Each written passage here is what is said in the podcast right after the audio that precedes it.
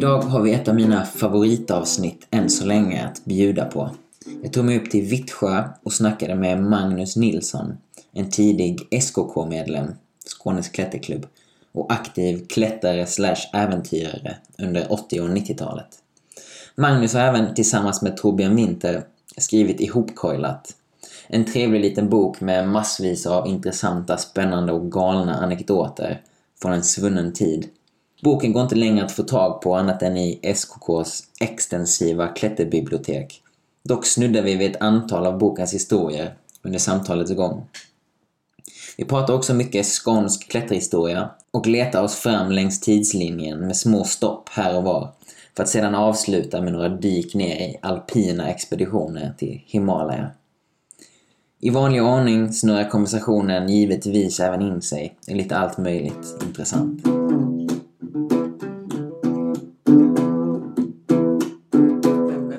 Fint bibliotek du har!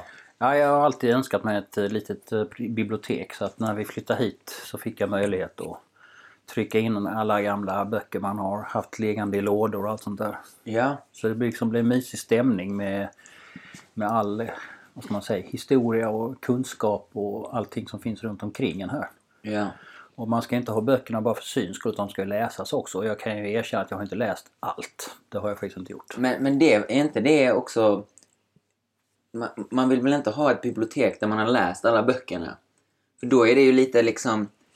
Man vill ju, man vill ju ha lite den här utforskande delen i sitt bibliotek. Ja, det är ju liksom, rätt. När man, Det är en bra tanke. fråga, det finns ett frågetecken. Ja, precis. Att det finns liksom en... Eh, ett löfte om nya äventyr som sitter där på hyllorna. Ja, precis. Och där är ju, den delen där är ju klätter, Klättersektionen. klättersektionen. Ja, så där är alla klätterhistorier och guideböcker från nära och fjärran. Just det.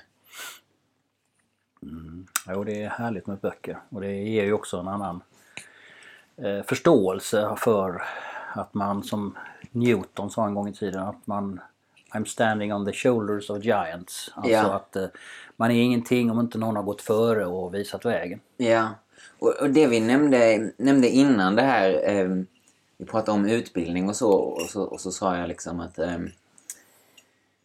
ja, men att, att börja intressera sig för saker på egen hand. Så jag har också börjat läsa mycket. Ja, okej. Och det är, det är också verkligen, det är som du säger, det är en, det är en riktigt fascinerande värld när man börjar så här. Mm. Läser du mycket klätterlitteratur då?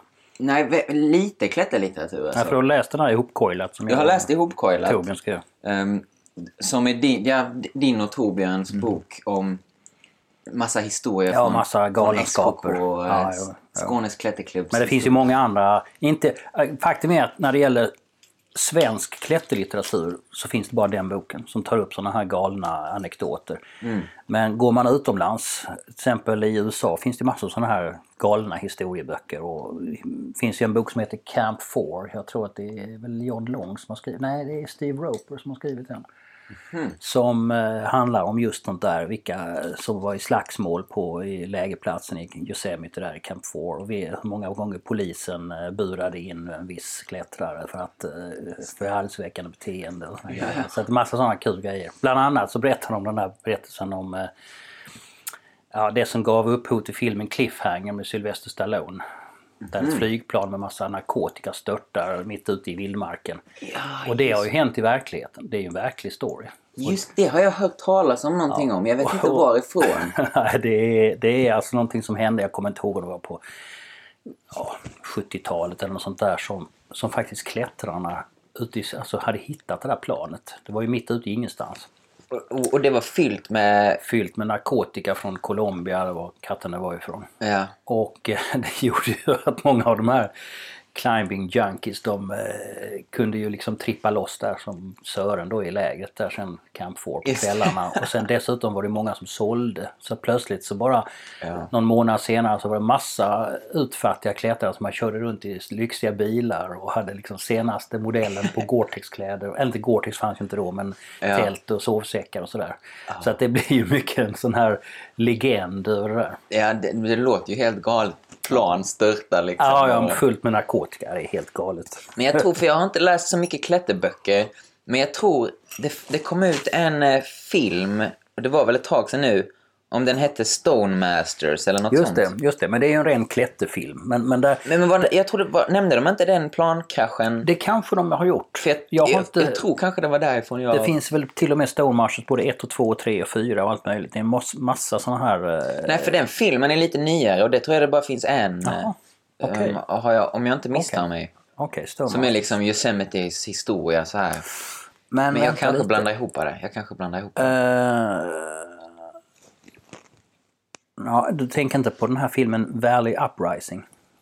Mm. Det är den du tänker på? Det var den jag Just det, på. för Stone Masters är mer liksom en klättervideo med bara klättring. Det är en jäkla massa klättersekvenser på stenhårda turer och kända människor som klättrar. Men, men eh, Valley Uprising är mer en histori, historisk film över just Yosemite och eh, The Golden Years och allt det här. Eh, Och det är helt rätt. I den filmen nämner de den här händelsen. Ja.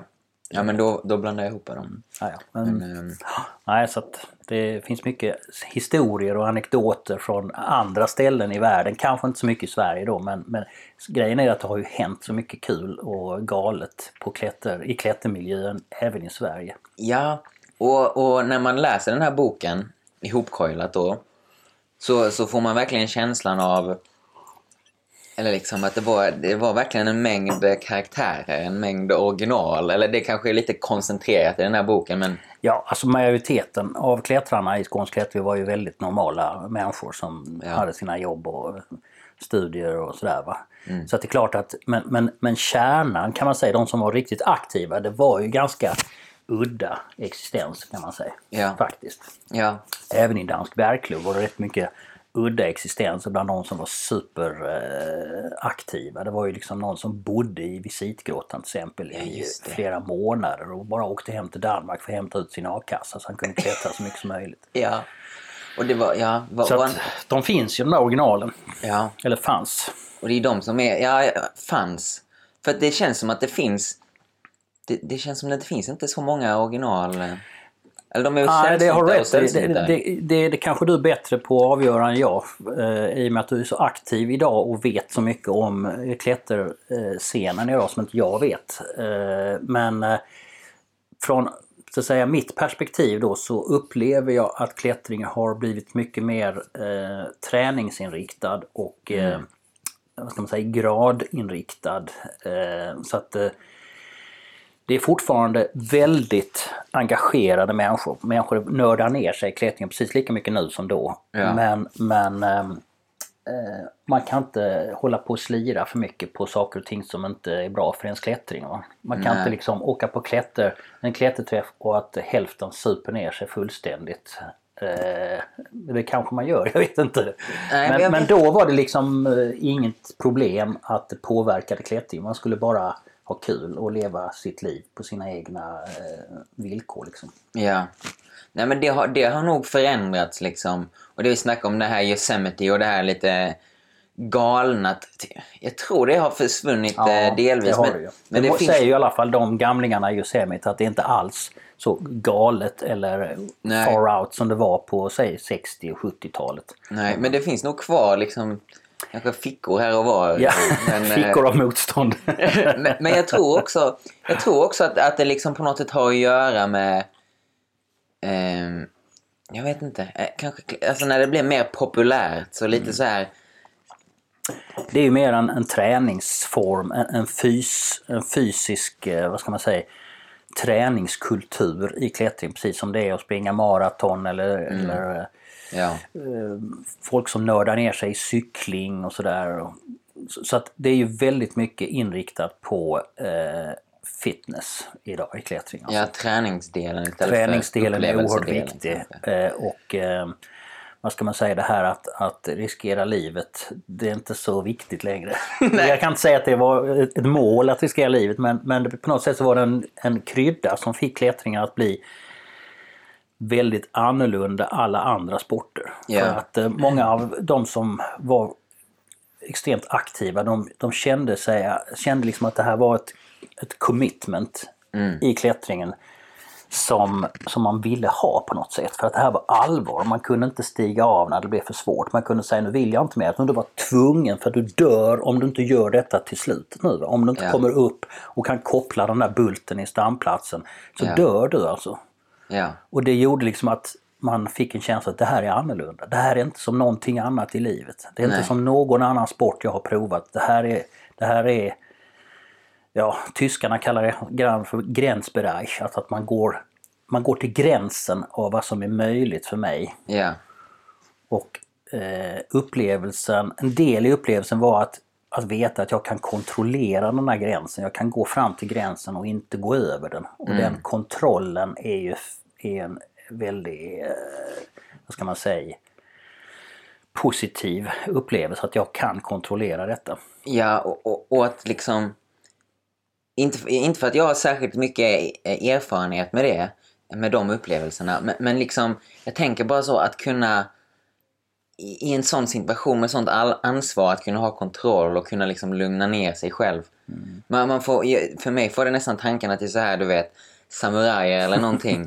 Nej men så här, att det är, att det är på all, alltså det är ändå, det är ändå på allvar liksom. Jo, det, det är allvar alltså. Och det är ju det framförallt om du gör eh, sån här high, vad heter det? Highball. Ja, ett högt, ja precis. Ett högt höga bowlerbrim där du inte får ramla av. Även om du har eh, paddan under va, så ramlar du av så blir det riktigt allvarligt. Ja, Och det är ju liksom, då finns det ett allvar i det som sällan finns i andra sporter. ja, Det, det värsta som kan hända liksom i en stor eh, klassisk alltså fotboll eller tennis det är att ja, du vinner inte en massa pengar. Men tänk dig att vända på det där och säga så här att den som förlorar den här tennismatchen måste betala prispengar till den som vinner. ja. Då börjar man närma sig klättringens insats. Va? Att, Ja. Shit, om jag förlorar kommer det gå mig riktigt illa här på den här matchen. Alltså. ja. Och i klättring är det ju ännu värre för där kan du faktiskt dö. Ja. Det, det är kanske mer likt liksom de som är som surfar riktigt stora vågor. Ja, Eller, eller där typ, ligger det eh, nära. Precis. Jag vet inte, är någon form av motocross-racing en bra parallell alltså. Du satsar allt du har liksom. Ja, Men sen ska man ju naturligtvis undvika att hänge sig åt sån här dödsromantik. Det är ju det är inte därför man klättrar. Det är Nej. bara kanske en krydda ja, som kan göra det lite speciellt, som ger det lite edge.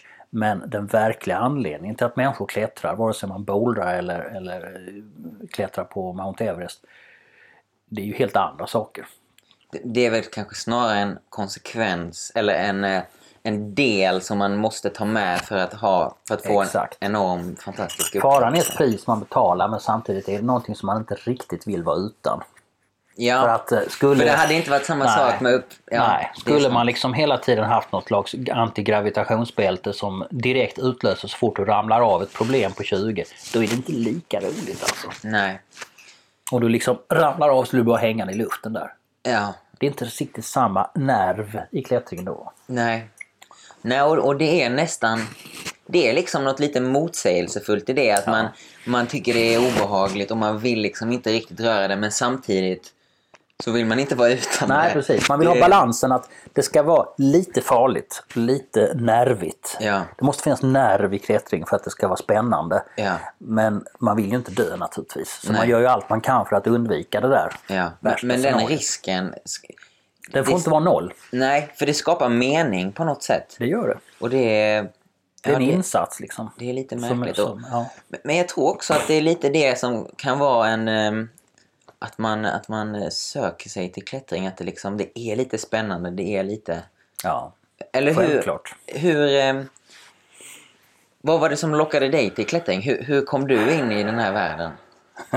ja, jag misstänkte att du skulle komma till den frågan. Eller Ja. den grejen. Och då är det ju så att eh, eh, jag var ju ungefär lika gammal som du då. Eh, jag var 16 och Ja. då är vi tillbaka till Som jag var när jag började klättra. Ja. Ska vi säga. Just det, eh, 79. Så Ja. det är ju 100 år sedan. Eh, då hade jag en, eh, då hade jag börjat på gymnasiet.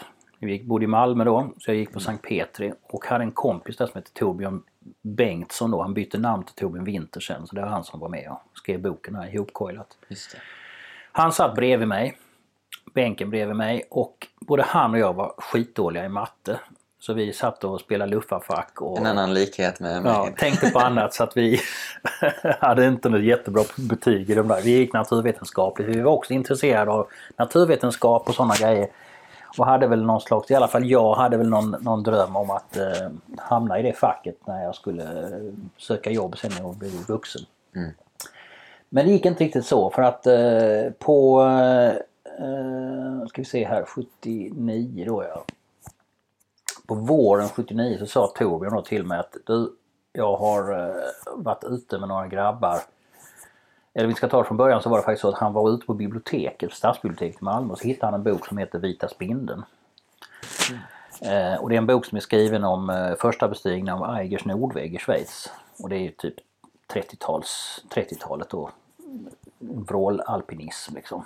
Ja. Och den här väggen Eiger då är ju en av de stora nordväggarna i Alperna. De Ja. räknar de tre stora, Grand Joras, Matterhorn och Eiger. De är Ja. de tre stora nordväggarna.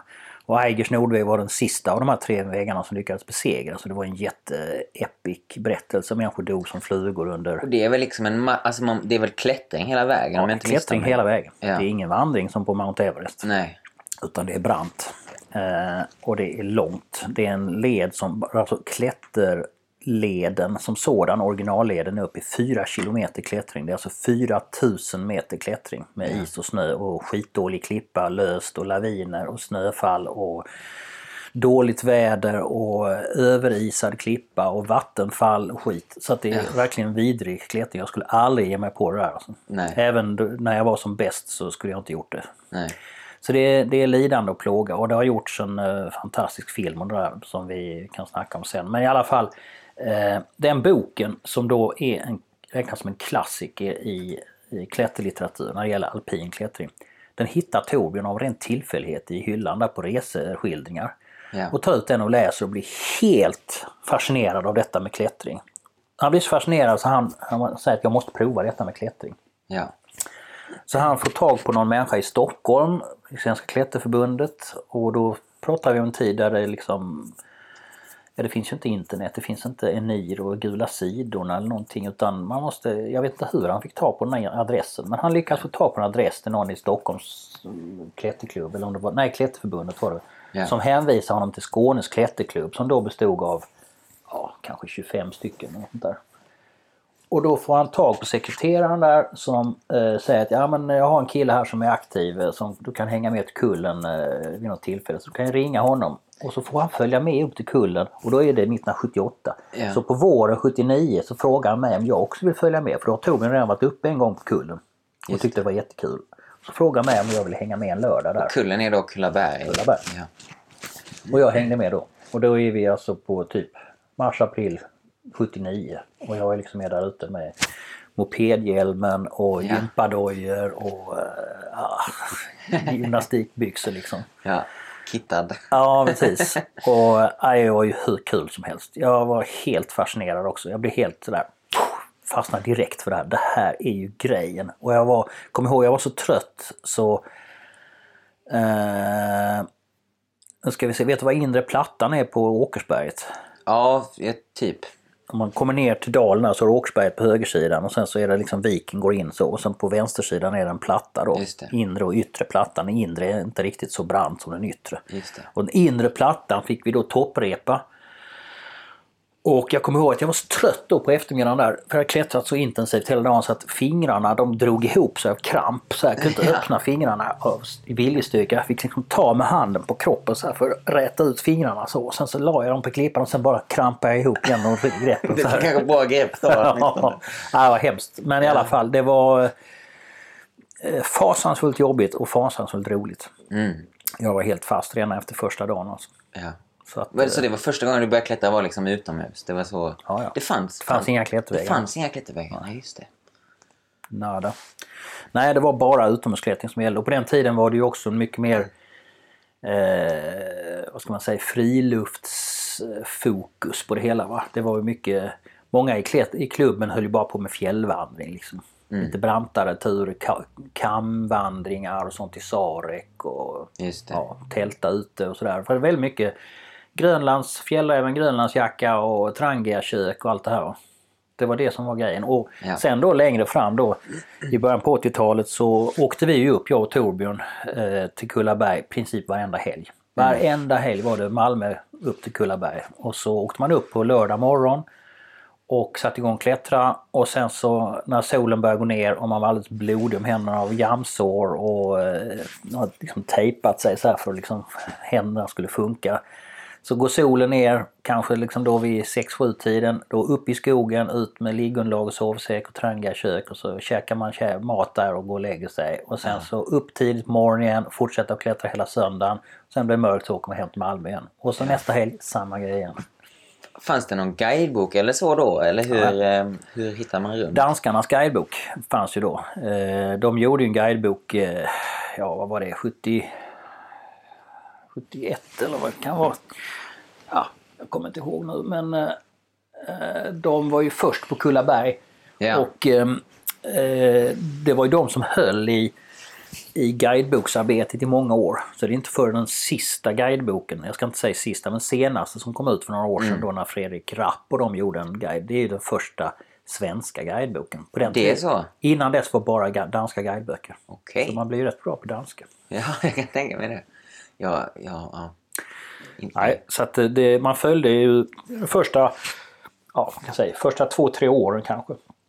Så följde man ju guideboken slaviskt innan man insåg att fasen här emellan där kan man faktiskt göra någonting. Ska vi sätta upp ett topprep där och testa? Ja. Och så insåg man shit, vi kan göra en ny led här. Ja, så tränar man in den då och så rensar ur sprickorna för att kunna sätta kilar liksom och lite friends och sådär. Och sen gjorde man den och så insåg man shit, vi har gjort en ny led. Wow! Och så fick man ju då namnge leden och sätta grad och skicka in till guidebokskommittén och sådär. Då var man ju jättestolt. ja. Det är också det fräcka med, med tradd. Att du behöver liksom inte bulta hela vägen utan du kan verkligen... Nej precis, du måste ju rensa lite grann kanske. Ja, ja såklart. Nej, det är, det är väldigt liksom, lättillgängligt på det viset att göra nya leder. Och på den tiden fanns det ju hur mycket som helst att göra på kullen. Alltså. Ja. Det, jag menar, jag vet inte hur det är nu. Det skulle väl Fredrik Rapp vara en bättre person att reda ut. Men jag kan tänka mig att eh, ja, på den tiden, alltså då 79, 80, 81 där. Jag tror inte mer att kanske det fanns kanske 150 leder på kullen och sånt där. Och nu finns det Ja. väl 800 och sånt där. Ja, väldigt, väldigt många. Så att det fanns ju enorm potential för att göra nyturer. Så på så vis var det ju verkligen en gyllene tid. Och jag och Torbjörn var ju ganska aktiva då Ja, på 80-talet med, nyturer så att vi finns ju med lite överallt där i guideboken. just det. Men danskarna är ju de som har haft störst impact eh, på Kullaberg historiskt sett. De har ju eh, mycket tidigare, om man tittar på Skånes klätterklubb så bildades vi 73. Ja, Samtidigt som Svenska klätterförbundet bildades. Vi tillhör ju då de här som jag skrev i pappret, en av ur, urklubbarna. det, det är lite fräckt Det är också lite fräckt faktiskt. ja. ja. det är kul. Stockholm och Göteborg och Skåne och Ja. Östersund. Och...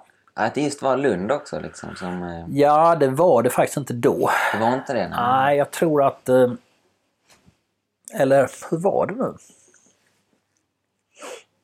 Grejen var väl, i och med att det var Skånes klätterklubb, så klart att då fick ju, då var det ju så att, att de flesta medlemmar var ju från Malmö-Lund-området. Och i och med Malmö var en betydligt större stad så var det ju ganska många från Malmö.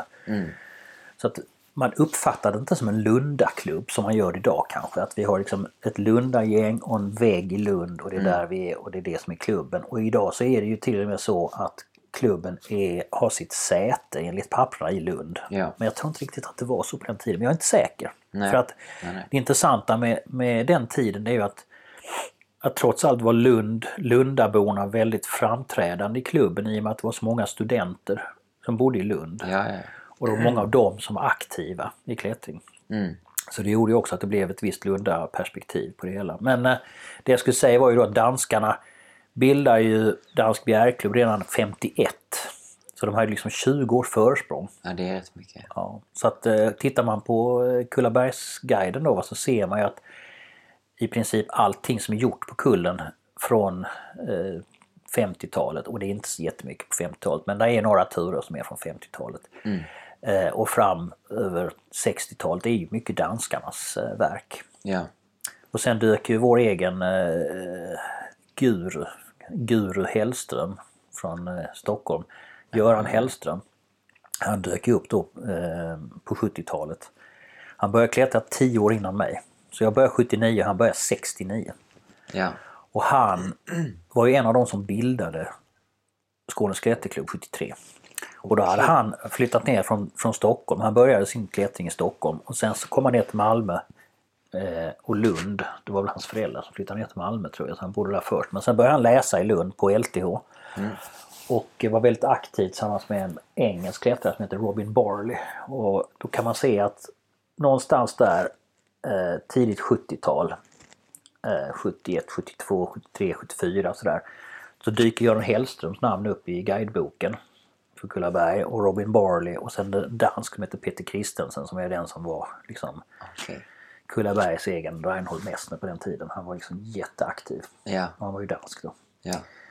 Så Göran Hellström är ju liksom, han var ju när jag började så var han ju gurun i Skånes Klätterklubb. Alla liksom såg upp till Göran liksom. Han var liksom den Ja. som var wow, den bästa vi hade. Han var så jäkla duktig och han var Ja. så erfaren för att han var ju liksom, hållit på i tio år längre än mig liksom, när jag Ja. började. ja tio år, det är, Ja. längre än vad jag har klättrat. Ja visst och, liksom, och han var ju jätteerfaren. Han har ju klättrat massa i Yosemite. Och han är ju förmodligen den svensk som har varit mest i Yosemite Okej. Eh, av alla. Ja. Alltså alla klättrare i Sverige. Han eh, hade, han eh, höll på med termofysik eller något där, termodynamik. Nej, nej, det var någonting inom fysik i alla fall, teknisk fysik sådär. Ja.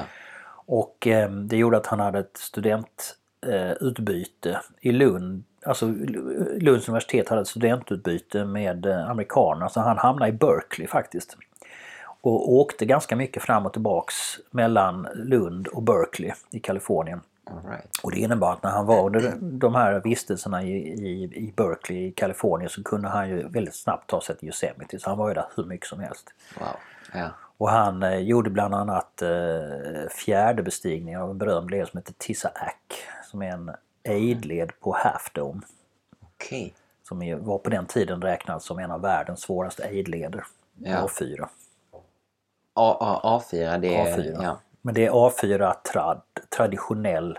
Det är inte som idag. Eh, man kan säga att då på den tiden 60-70-talet där, då räknades ju A4 som absolut svårast. Det fanns ingen A5. Nej. Så det som var liksom så hårt så att du riskerar att dö och riva loss din stamplats och allting. Så hela replaget bara störtar ner i avgrunden. Ja. Det var A4 och det var den leden då. Ja. Och det lyckades han knäcka som fjärde replag i världen. Ja. Och det är lite häftigt. Det är, ja, det är verkligen fräckt. Så han var en stor idol på den tiden. Men får jag fråga om... Eh, för det finns ju också en Hilding Gnöters. Ja, just det. Var han... Eh, för, för när jag läste den här ihopkollat så fick jag bilden av att han var väldigt tidig på Kullaberg. Var han före danskarna? Ja, det är ju bortom min eh, så att säga kunskap om vad som hände där. För då pratar vi ju tidigt 50-tal tror jag. Jag tror att han har en av de tidigaste lederna i guideboken. Det är väl Bananen nere vid björnen och det är ju Hilding Gnöter som står som första bestigare på den. Ja. Eh, och eh, vad kan det vara? 54 kanske något sånt där. Ja. Och eh, om jag har förstått det rätt så eh, eh, har han ju varit aktiv på 50-talet på kullen men eh, sen efter det vet jag inte. Jag har inte jag, jag undrar om jag inte har sett honom på kullen någon gång på... ja, det är så. Ja, jag, Vi, vi kan... är, är det inte någonting i, i, ihopkoilat som har skrivits om det här med Hilding? Jo, att någon såg honom harva runt uppe på någon svår led, typ. Ja, på Åkersberget. På, ja, det stämmer nog. Ja, just det. Ja. ja. Men... ehm, Men vi ska också nämna, för jag glömde det, lite bakgrund till han Hilding Gnötes var ju... De, de var 14 år innan Hillary var de uppe på Mount Everest i en expedition. Bara ett hundratal meter från, eh, från toppen. Ja, det påstås det. Det påstås det. Ja. Ja. Eh, jag har inte sett någon, eh, någon, eh, något bevis eller några sådana grejer för det där men det Ja, okej. påstås det alltså. Det enligt det. enligt Det- legenden i alla fall. ja. Så att, men det, här, det ska ju ha varit under kriget så att det blir ju aldrig någon stor grej av det här, alltså andra världskriget. Så Nej, att, det hamnar lite det i hamnar liksom i skuggan av, av världspolitiken och, det Ja. här. ja. Så att han var väl den, på den tiden i alla fall den skåning som har varit... Han var inte skåning egentligen, han Nej. kom ju från alpländerna. Men Men, liksom. eh, men han är väl den som har varit aktiv på Kullaberg som har under en period där i mitten på 1900-talet varit högst i alla fall. Mm. Ja. ja det, är, Det är häftigt. det är faktiskt eh, riktigt häftigt. Jag hade hoppats vi skulle kunna få en gata uppkallad efter Hilding i Mölle. Det hade varit lite häftigt. Ja, Det var lite grann ett mål vi hade för några år sedan. Det var, jag har inte jobbat vidare med det men det Nej. hade varit rätt kul att ha någon sån här Hilding Gnöters gränd eller Gnöters gränd eller sånt där någonstans i Ja. Mölle.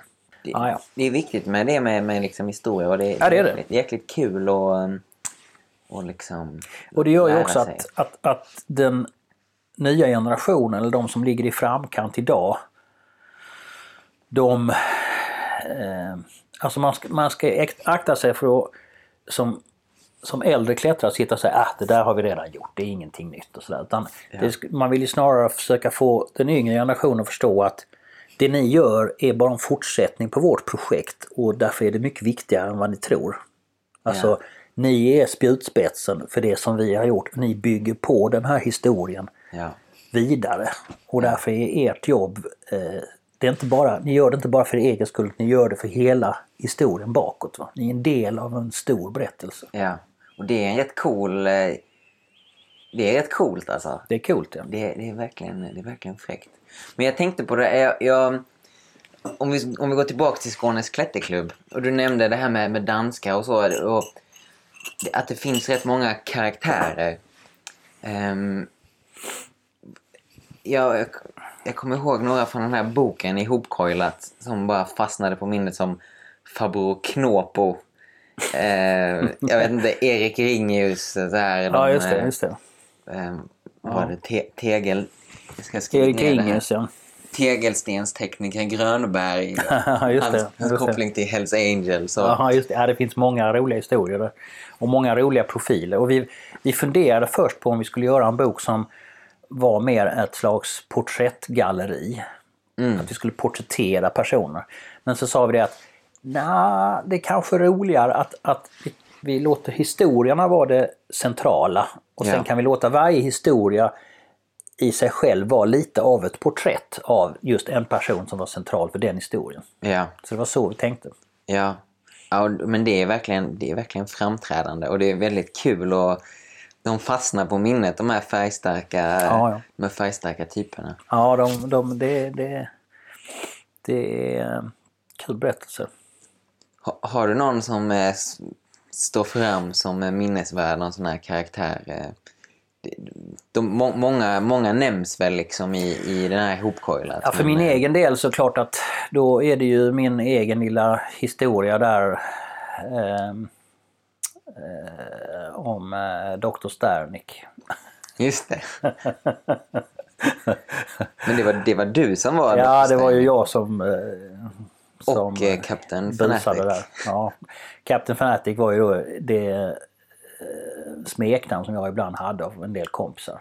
Ja. Så de kallar mig för Captain Fanatic för jag var så jäkla fanatisk i klättring. Jag skulle alltid ut på kullen, skulle alltid hålla på. Allting var klättring, klättring. Det var bara klättring, klättring. Allting var klättring. Ja. Och jag liksom gjorde ju allt i klubben också på 80-talet. Jag var ju medlemsregistrator, jag var sekreterare och jag var eh, redaktör för medlemsbladet och jag var förbundsrepresentant och jag var materialförvaltare och jag var bibliotekarie och jag var klubbinstruktör och jag var allting. Utom ordförande, det aktade jag mig noga för. Ja. Eh, men i alla fall, eh, jo. Så att det där, den storyn är ju kul därför att ehm, eh, vad ska man säga, det var, det var så jäkla galet och det var väl kanske därför det funkar. ja. Detta att, ja för den som inte har, nu hör på podden och inte har läst storyn så, så var det då, i, jag ska dra det kort här så är det ju att eh, eh, på den tiden så jobbade jag som resledare för Skandorama i Malmö. Och eh, då eh, hade jag uppdraget att genomföra 12, en 12 dagars busstur med svenska, eh, företrädesvis svenska resenärer. Som gick lite i sådär kulturens tecken. Alltså det var ingen sån här badresa eller skidresa utan man, man skulle liksom berätta om Centraleuropa. Så det var en tur som hette Fyra huvudstäder. Berlin, Prag, Budapest och Wien. Så körde man igenom alla de städerna och övernattade på hotell och sen så kom man hem efter 12 dagar.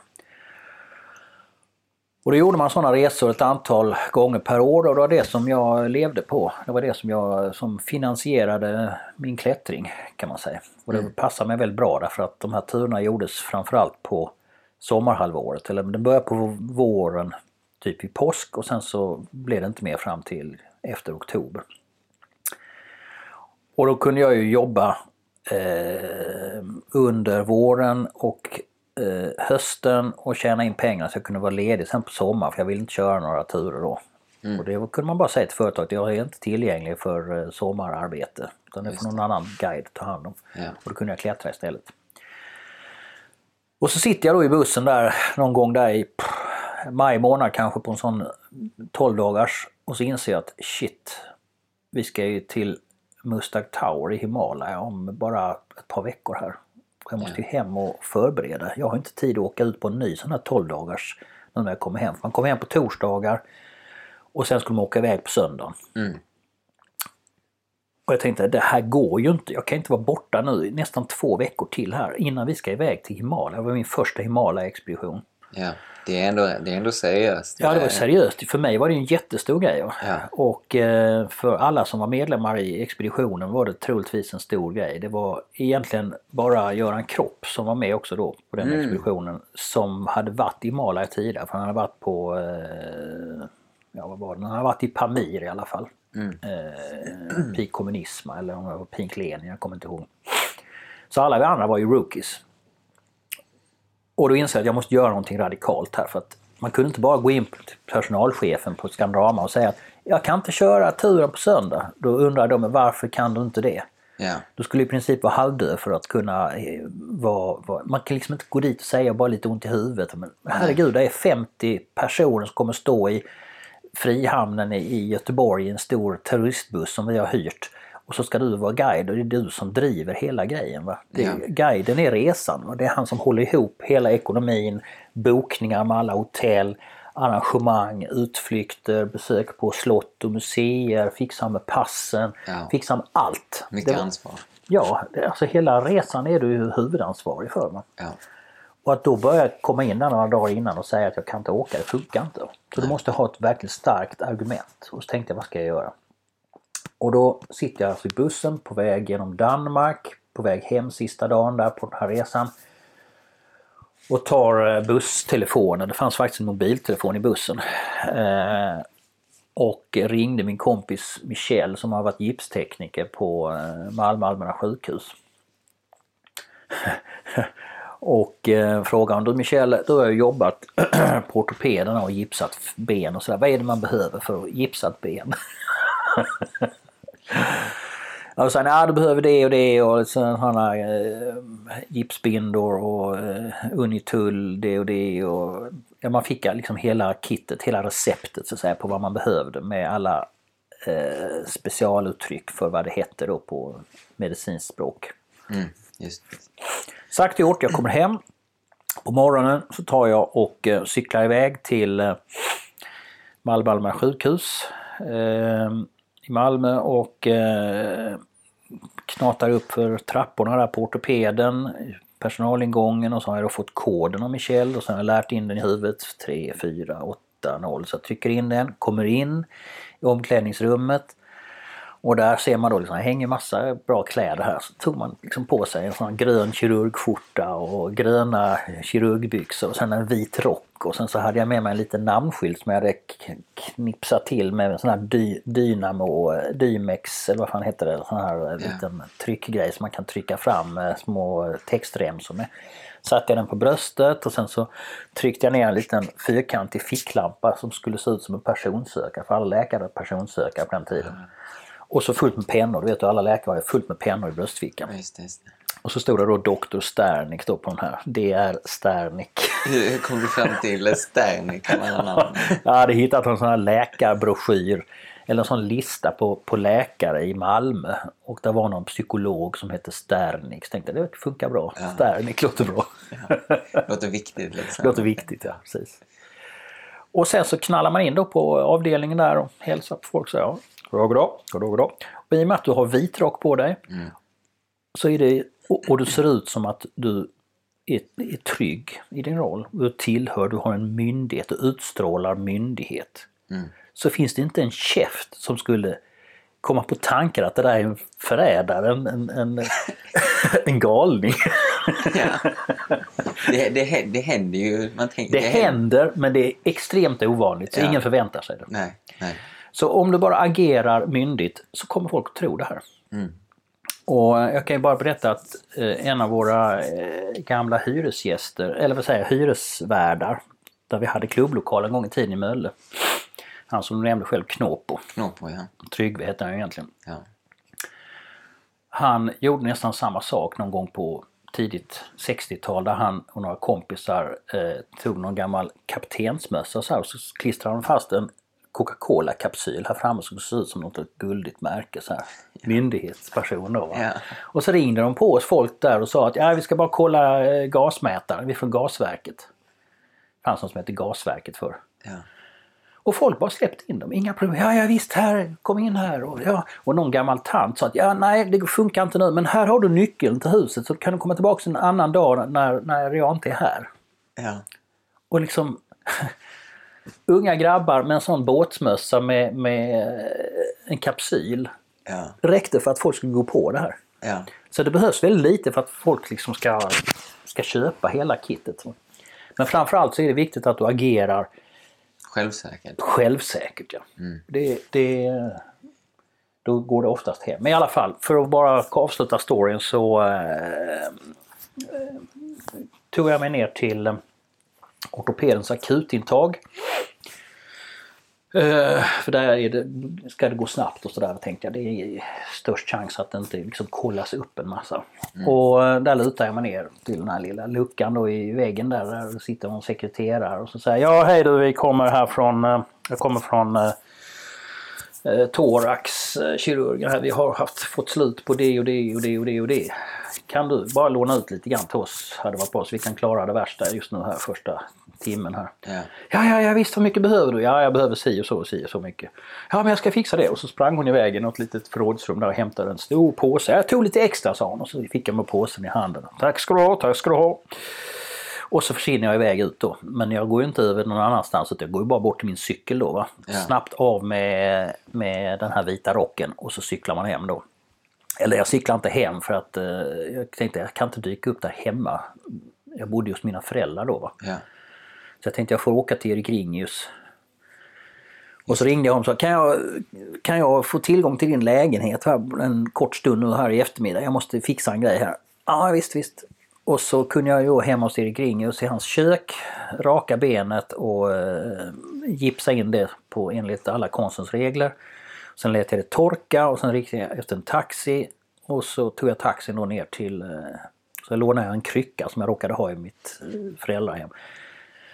Eh, tog jag taxi ner till Scandoramas kontor och så stapplar man upp där för trappan då in till eh, personalchefen där liksom. Uh, liksom. Ah, och så säger hon, ah, men Magnus vad har du gjort? Ja vet du, jag kom hem igår från min 12 dagars fyra huvudstäderresa och så händer detta. Vet du, jag, du vet ju jag, jag håller på med bergsklättring va? men det är ju när man minst av allt anade som saker och ting händer. Va? Så att jag har aldrig skadat mig i klättring men nu när jag kom hem från den här resan så ramlade jag i trappan där hemma. Vet du, och, ja, det är, ser ut att vara, det, det är inte av men det är en, en fraktur. Alltså en spricka i benet sa har de på ortopeden. Så jag, har, jag är tvungen att gå med gips nu här i Ja. åtminstone fyra veckor. Kanske mer. Otur. Oh, säger hon med en suck. Men Magnus, då kan du väl inte köra ändå på söndag? Nej, så. Det ser mörkt ut. Tyvärr. Tyvärr, jag är hemskt ledsen. Jag önskar jag kunde hjälpa. Men det ser dåligt ut. Ja.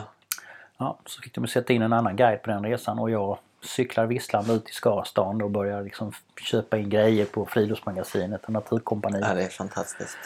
Men jag fick göra så att jag skalade upp gipset på baksidan av benet för att jag var tvungen att ta av det här gipset. Jag kunde inte ha det på, det var ju så varmt och svettigt. Va? Eh, Så jag tog av gipset eh, när jag var hemma men sen så fort jag skulle ut på stan så tänkte jag det är bäst att sätta på det igen. Så jag kunde liksom sätta på det med lite Ja. tejp på baksidan och så, så att ifall någon skulle få syn på mig där. För jag hade ju några dagar där, en vecka kanske, där jag skulle göra en massa saker inför expeditionen. Just det. Så Just man får ju liksom se till att ska man Har du, har du satsat in så mycket i det så liksom... Ja, då måste man löpa linan ut och, Ja. och man, ingen får ju liksom, man får inte riskera att någon synar korten liksom. Nej. Jag, jag tycker det är intressant det du säger. Eller det, jag, jag lyssnade på en annan eh, en, en podcast med Werner Herzog. Med dokumentärfilmmakare. Också, eh, också en sån... Eh, han, han, gillar inte, han gillar inte så mycket att följa regler. Nej, just det. Så han, han- är härlig, Herzog alltså. Ja, han, han hade någon sån, någon sån eh, citat som jag, som jag la på minnet. Ehm, Win if you can, lose if you must, but always cheat. ja, den har jag inte hört förr. Nej. Ehm, Always cheat. eller jag vet, jag vet inte nödvändigtvis var hans citat, men det, han, det, var, han, det var han som sa det i det här sammanhanget. Sen, sen så, Han är, ju, han är ju känd för att, eh, ja, inte kanske bokstavligen gått över lik, men han är känd för att verkligen Ja. pusha till det yttersta för att få gjort, för att få realisera sina drömmar och sina projekt. Ja, och han, han beskrev också något sånt då när han... De skulle filma någonting och så hade de inte tillstånd, om det var i Kina eller någonting. Eh, och så var det då en mängd poli- poliser och så förklarar han så här att ja, står det en polis, då, då går det inte för att då ser de dig och så kommer de fram. Men om du går rätt igenom en grupp poliser så tror de alltid att det är någon annan som kommer Ja, fixa det. Ja, så han så, så fäster du din blick långt fram och så går du igenom och när du passerar så, så säger du någonting till din kamrat så och sen fortsätter du. Precis. Precis så- att, att du ska inte låtsas om att de är där. Det ska se så, o, du ska se så obesvärad ut så att de som möjligtvis tittar på det, och poliserna, tänker att ja, ja men det är väl helt okej. De verkar ju inte vara nervösa. hemma här, liksom. De hör hemma, de Ja. är lugna och det är, allting är som det ska troligtvis. Ja, Och det är ju en väldigt tydlig eh, psykologisk insikt i det där. ja, Och just också att det är en grupp innebär att det Mm. är alltid, varje person i gruppen tror att det är någon annan som ska agera. Ja, och därför ja. agerar man inte så att man liksom höjer tröskeln för eh, att det ska aktiveras någonting i den här gruppen. ja. Ingen vill ta ansvar liksom. Nej. Nej, så, så det, är, ja, det är spännande grejer. Ja, det Ehm, är mycket psykologi sånt där. Ja. Och eh, en, en till... ehm, Det var ju en del liksom, historier som fastnade från den här ihopcoilat-boken. Så, så en till jag hade velat fråga om är den som heter Geradeaus. Ja, just det. Hur, eh, vad, vad är Geradeaus och hur kom du på det här eh, konceptet? Ja. Hur vi kom på, eh, det kommer jag faktiskt inte ihåg. Det var ju Lars Benke och jag som gjorde. Lars Benke var också medlem i Skånsk på den tiden. Ehm, eh, han bodde i Viken då tror jag. Ehm, och någon gång, vi satt ju i klubblokalen. Vi hade ju klubblokal i Mölle under ett antal år där i slutet av 80-talet, början på 90-talet. Ja. Och eh, ibland när man satt där liksom i flodhållen på kvällarna så var det folk som fick galna idéer. Att äh, vi måste ut och, och göra någonting. Så det höll på att bli mörkt och någon skrek äh, vi måste göra, ska göra en pannlampsbestigning av, eh, av Töbrud på Karstens änna. Ah, ja okej, ja, men det är kul, vi, vi drar iväg. Och, så, och någon liksom tyckte att nah, vi, någon annan gång att ja, vi ska upp, vi ska, vi ska sova på den där lilla hyllan i sovsäck och liggunderlag, en liten smal hylla. Men det går ju inte. Jo men det fixar sig. Vi tar med rep och grejer och så firar vi ner där mitt i natten. Och, så. och någon gång så var det Benke och jag som fick för oss att vi ska göra en vandring eh, från högsta punkten på kullen till fyren. Och vi ska gå raka spåret oavsett vad. Lite som Werner Herzog-attityd att ingenting får stå i vägen för vår, Ja. vår, vårt projekt. Va? Ja. Vi ska fullfölja detta. Hur galet och meningslöst det än är. För klättring är också meningslöst. Du rör dig från punkt A till B. Ja. Och du har egentligen bara uträttat förflyttningen från A till B. Men du har inte gjort någonting speciellt. Nej. Så den här gången var det ju då eh, att vi skulle göra en rak linje. Så vi tog kartan och så drog vi med penna och bara en rak linje från högsta punkten, Håkulls topp. 186 meter över havet. Till fyren. Så sa vi nu ska vi följa slaviskt den här linjen ut i naturen, i verkligheten. Kosta vad det kosta vill och det får vara hur plågsamt och jobbigt och farligt som helst och smutsigt och skitigt. Det ska bara göras. Vi får inte avvika från stigen överhuvudtaget. Så tittar vi på kartan så såg vi Men den här linjen är inte så svår att följa faktiskt. vi får göra en liten avstickare. Så gjorde vi, så böjde vi av linjen lite grann så att vi skulle passera genom Ona mosse som var det stora liksom, problemet kan man säga med den här vandringen. Ja. För vi insåg att om vi drar en rak linje så hamnar vi inte i Ona mosse. Och vi ville ju hamna i Ona mosse. Ja. Det, var, det var lite masochism i... Exakt! Väldigt mycket masochism där. Ja. Det ju jobbigare någonting är desto, sött, desto mer sötma eh, mm, finns i segern.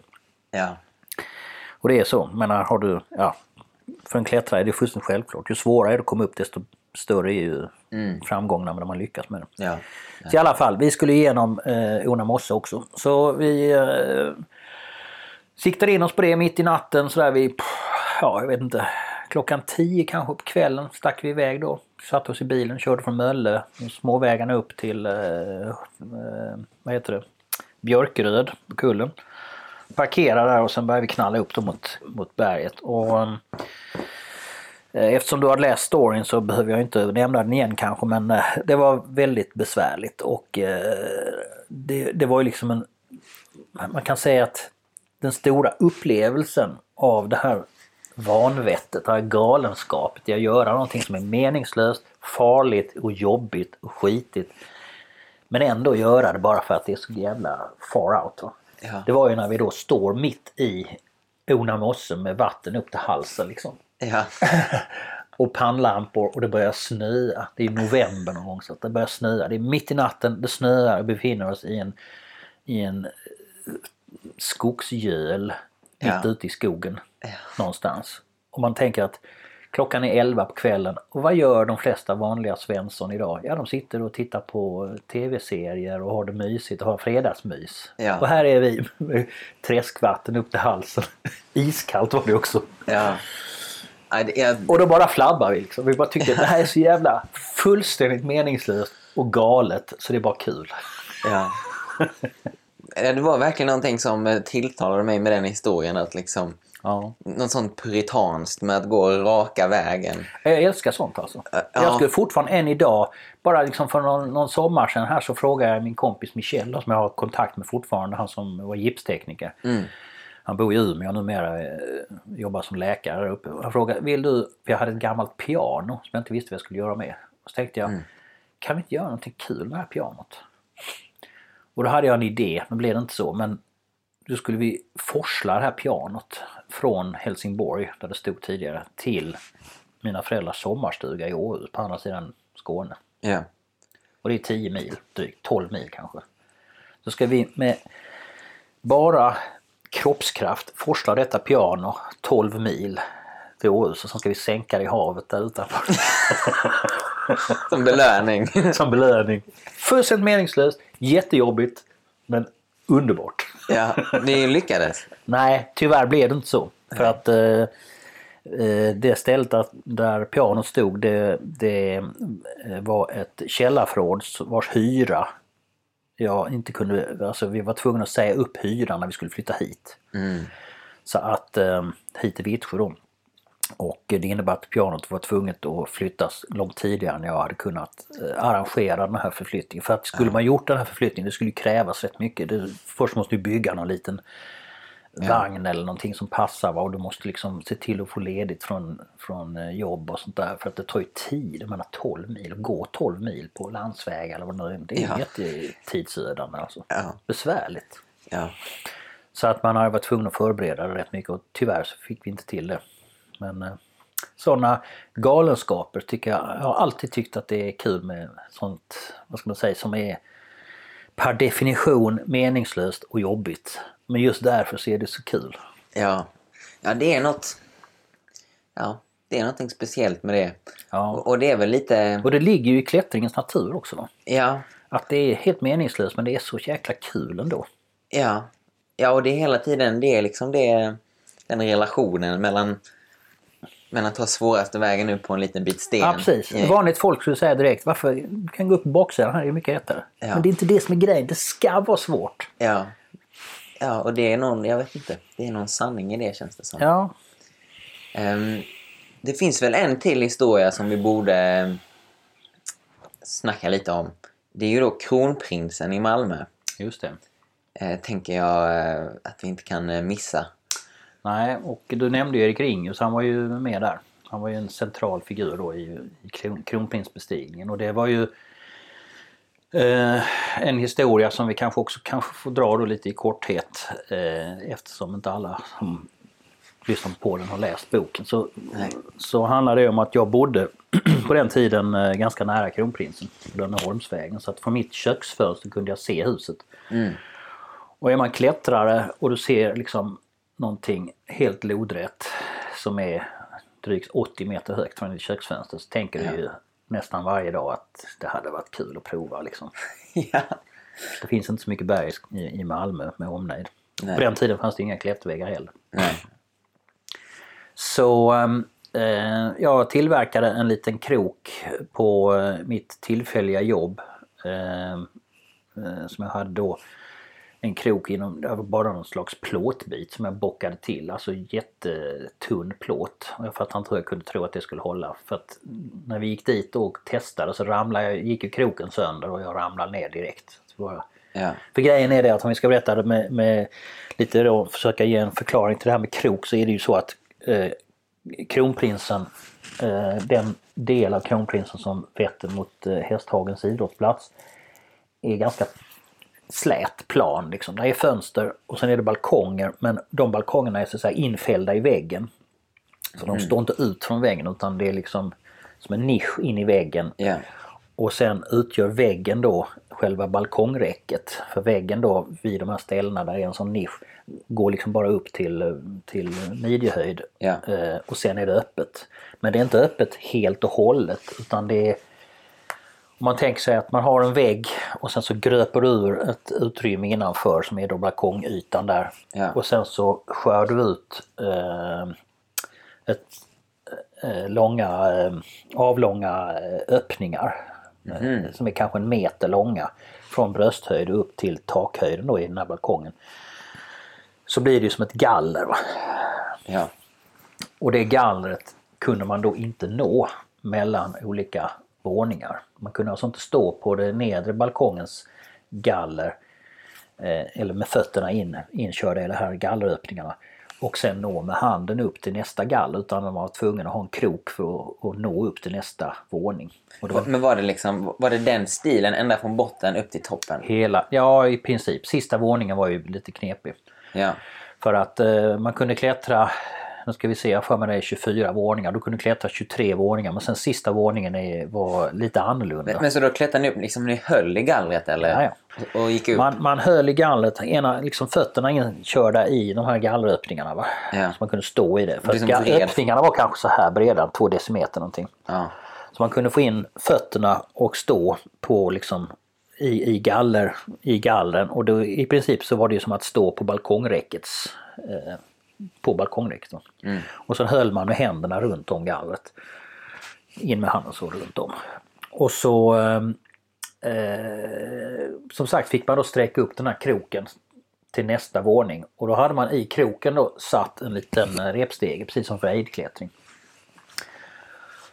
Och så kopplar man bara fast kroken över nästa vånings eh, balkongräcke.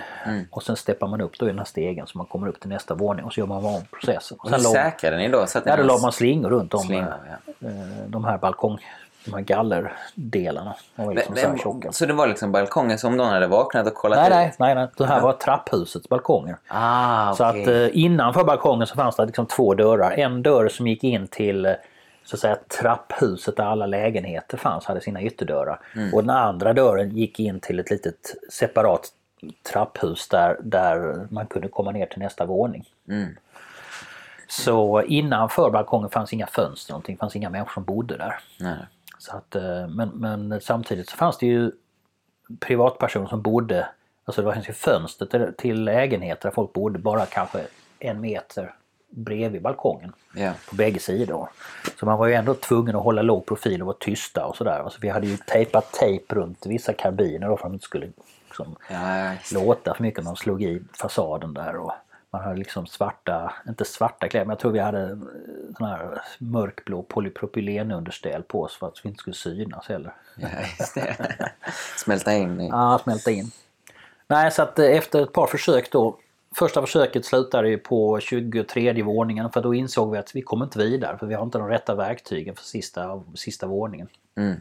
Det såg lite annorlunda ut. Det var ett, eh, ett annan typ av stålgaller. Eh, Det var ingen balkong utan det var ett eh, maskinrum för hissen där bakom. Och då kunde vi inte använda vår krok utan då var jag tvungen att fixa till en helt annan typ av, av verktyg. Så jag tog liksom tre skyhooks som man använder för ejdklättring då. Och de skyhooksen knöt jag ihop, eller jag satte ihop dem i en liten, eh, vad ska man säga, som en liten eh, ståltrådshand så här med krokar på olika höjder så här för att annars skulle man riva ut gallret. Om man liksom bara la en krok över gallret så skulle det bli för mycket kraft i den så då hade gallret gått sönder. Så därför tog jag tre krokar och placerade dem på olika ställen i gallret så att jag fördelade vikten på tre olika punkter och då höll gallret. Ja. Så jag gjorde en sån, men det hade vi inte första gången. Så att när vi kom till 23 så insåg vi att det här går inte längre, vi kommer inte upp. Så fick vi fira ner. Och sen andra försöket, ja då blev det ju stor kalabalik för då eh, hann vi inte upp mer än till typ 15-16 våningen så kom det ju eh, ja, hur mycket poliser som helst. Ja. Och det var ju tydligen ett tidnings, tidningsbud eller om det var någon journalist, sån här frilansande journalist som hade cyklat förbi på cykelbanan nedanför där Fågelbacksgatan och fått syn på oss. Ja. Och hade ringt in då. Och då kom ju polisen med full kareta där. Det var ju pickup, såna här piketbilar Ja. och eh, vanliga radiobilar och ja, det var säkert 15-20 poliser. Jag vad fan höll på Ja, de trodde väl det var... eh, Ja, terroristbrott pratar man inte så mycket om, men de trodde väl att det var någon riffifikupp. Att någon skulle göra inbrott Ja. Mm. i en massa lägenheter eller någonting. Jag vet inte vad de trodde, men det var allvarligt och de tog liksom... Det var storlarm. Ja. Så att det var ju lite spännande men eh, vi var ju rätt fredliga av oss så vi tänkte vi att shit när vi såg alla polisbilarna och polisen som sprang omkring överallt där nere på gårdsplanen så tänkte vi det är bäst att vi firar ner för annars blir det bara ännu värre. Ja. Ja. Så vi firade ner och presenterade oss och när vi, de var ju väldigt bryska i början men sen när de insåg att vi inte var några eh, inbrottstjuvar så tinade de upp lite grann och tyckte att det var rätt fräckt ändå alltså. Ja. Så det var väl mer ett, ett avbrott i deras vanliga rutin. Liksom klockan tre på natten så eh, var de vanliga att bara köra runt och fiska upp alkoholister och uteliggare liksom och köra, köra bort dem från centralen och sådär. Så att de var väl glada att det var lite annorlunda Mm. uppdrag den här gången. Så det blev ingenting mer där. Men sen då nu ska vi se, det blir faktiskt fjärde försöket. Va? Första försöket gick kroken sönder, andra försöket slutade på 23 våningen, tredje försöket kom polisen, fjärde försöket, då kom vi upp. Mm. Då hade jag fixat till den här extra lilla kroken Ja. som vi behövde och så hade vi med oss eh, ytterligare en kille som heter Patrik Gelin som var väldigt duktig. Han var väl nog en av de duktigaste vi hade då. Just det, det är han som har satt upp Jelin Karelin. Vet jag inte. Nej, okej. Finns det en del som heter så? Ja, i, uppe i... Um, finns en, en klippa i, uppe i Blekinge som heter Jaha. Bilpro, Bilprovningen. Okej. Jag tror det må, Je, Gelin Karelin. Ja. Ja. kanske är Patrik Gelin. Jag vet inte. Jelin är ju inte ett så vanligt namn, Nej, nej. Han eh, bodde i Bjärred på den tiden. Ja, Han bor i Stockholm nu. hur som helst. Ja, men det kan mycket väl vara Patrik Gelin. Han var, eh, var en duktig klättrare då. Vi tänkte att det kan vara bra att ha med oss någon som är en bra friklättrare. Men i alla fall, vi lyckades komma upp då. Det var rätt nervigt sista biten. En jätteläskig eh, mantle shelf grej man fick göra högt upp där liksom för att ovanför eh, ovanför översta våningen då som tidigare var restaurang och hette just restaurang översten. Och det är 24 våningen då. Ovanför den så är det bara en slät vägg på kanske ja, tre meter någonting. Innan du kommer upp till kanten högst upp på taket. Mm. Och längs den väggen så går där två stycken balkar, stålbalkar. Eller det är nog tre stålbalkar faktiskt. Och de tre stålbalkarna eh, är det som håller fast den stora ljusskylten som, som sitter där uppe. Där står SEB nu tror jag. Mm. Det står Skandinaviska Enskilda Banken för. Och då ska man liksom gå upp på den nedersta stålbalken och sträcka sig upp efter nästa stålbalk. Och när du kommer upp där så går du upp med fötterna på den nedersta stålbalken. Och då har du liksom nått den andra då med händerna. Och då ska du gå upp och sen så måste du mantla upp med händerna på den andra stålbalken för att komma upp så du kan nå upp till den tredje stålbalken. Och den mantlingen man gör där liksom, det är ju helt lodrätt liksom. Och så fullt med fågelskit också på den här stålbalken. Alltså, liksom, du, får, du kan inte komma för nära för väggen knuffar ut dig då? Ja, det är ju liksom... Ja, du har liksom väggen där och sen kanske ett par centimeters mellanrum. Sen kommer stålbalken där. Va? Så att hyllan, stålbalken är kanske en 15 centimeter bred. Va? Ja. Så det är ju detta du ska mantla på. Och sen är ju väggen spikad. Det går ju liksom inte inåt så som det ofta gör på klippväggar. Utan det är ju verkligen 90 grader. Så kroppen vill ju hela tiden ramla ut va? Ja. från den här stålbalken. Så det var en jätteläskig mantelshelf. Hade ni lyckats säkra det på något sätt? Ja, ja, vad- jo, det var inga problem. Så att vi hade ju lagt slinga runt om balken. Så hade man ramlat så hade det inte hänt någonting. Ja, Och okej. så då hade det kanske fallit 3-4 meter. Men ändå, det var ju liksom, du är ändå på 80 meters höjd där och det är, ja. du har ju hela Malmö under dig. Liksom. Exponering. Så exponerat, det är, sjukt exponerat. Ja. Jätteläskigt. Ja. Men i alla fall, då kom vi upp där den, den natten och det var ju kul. Och då blev det roligt nog så när det här hände då på eh, eh, vad blir det då? Ah, tredje försöket när det blev så mycket uppståndelse då blev det ju en jättegrej i media också. Mm.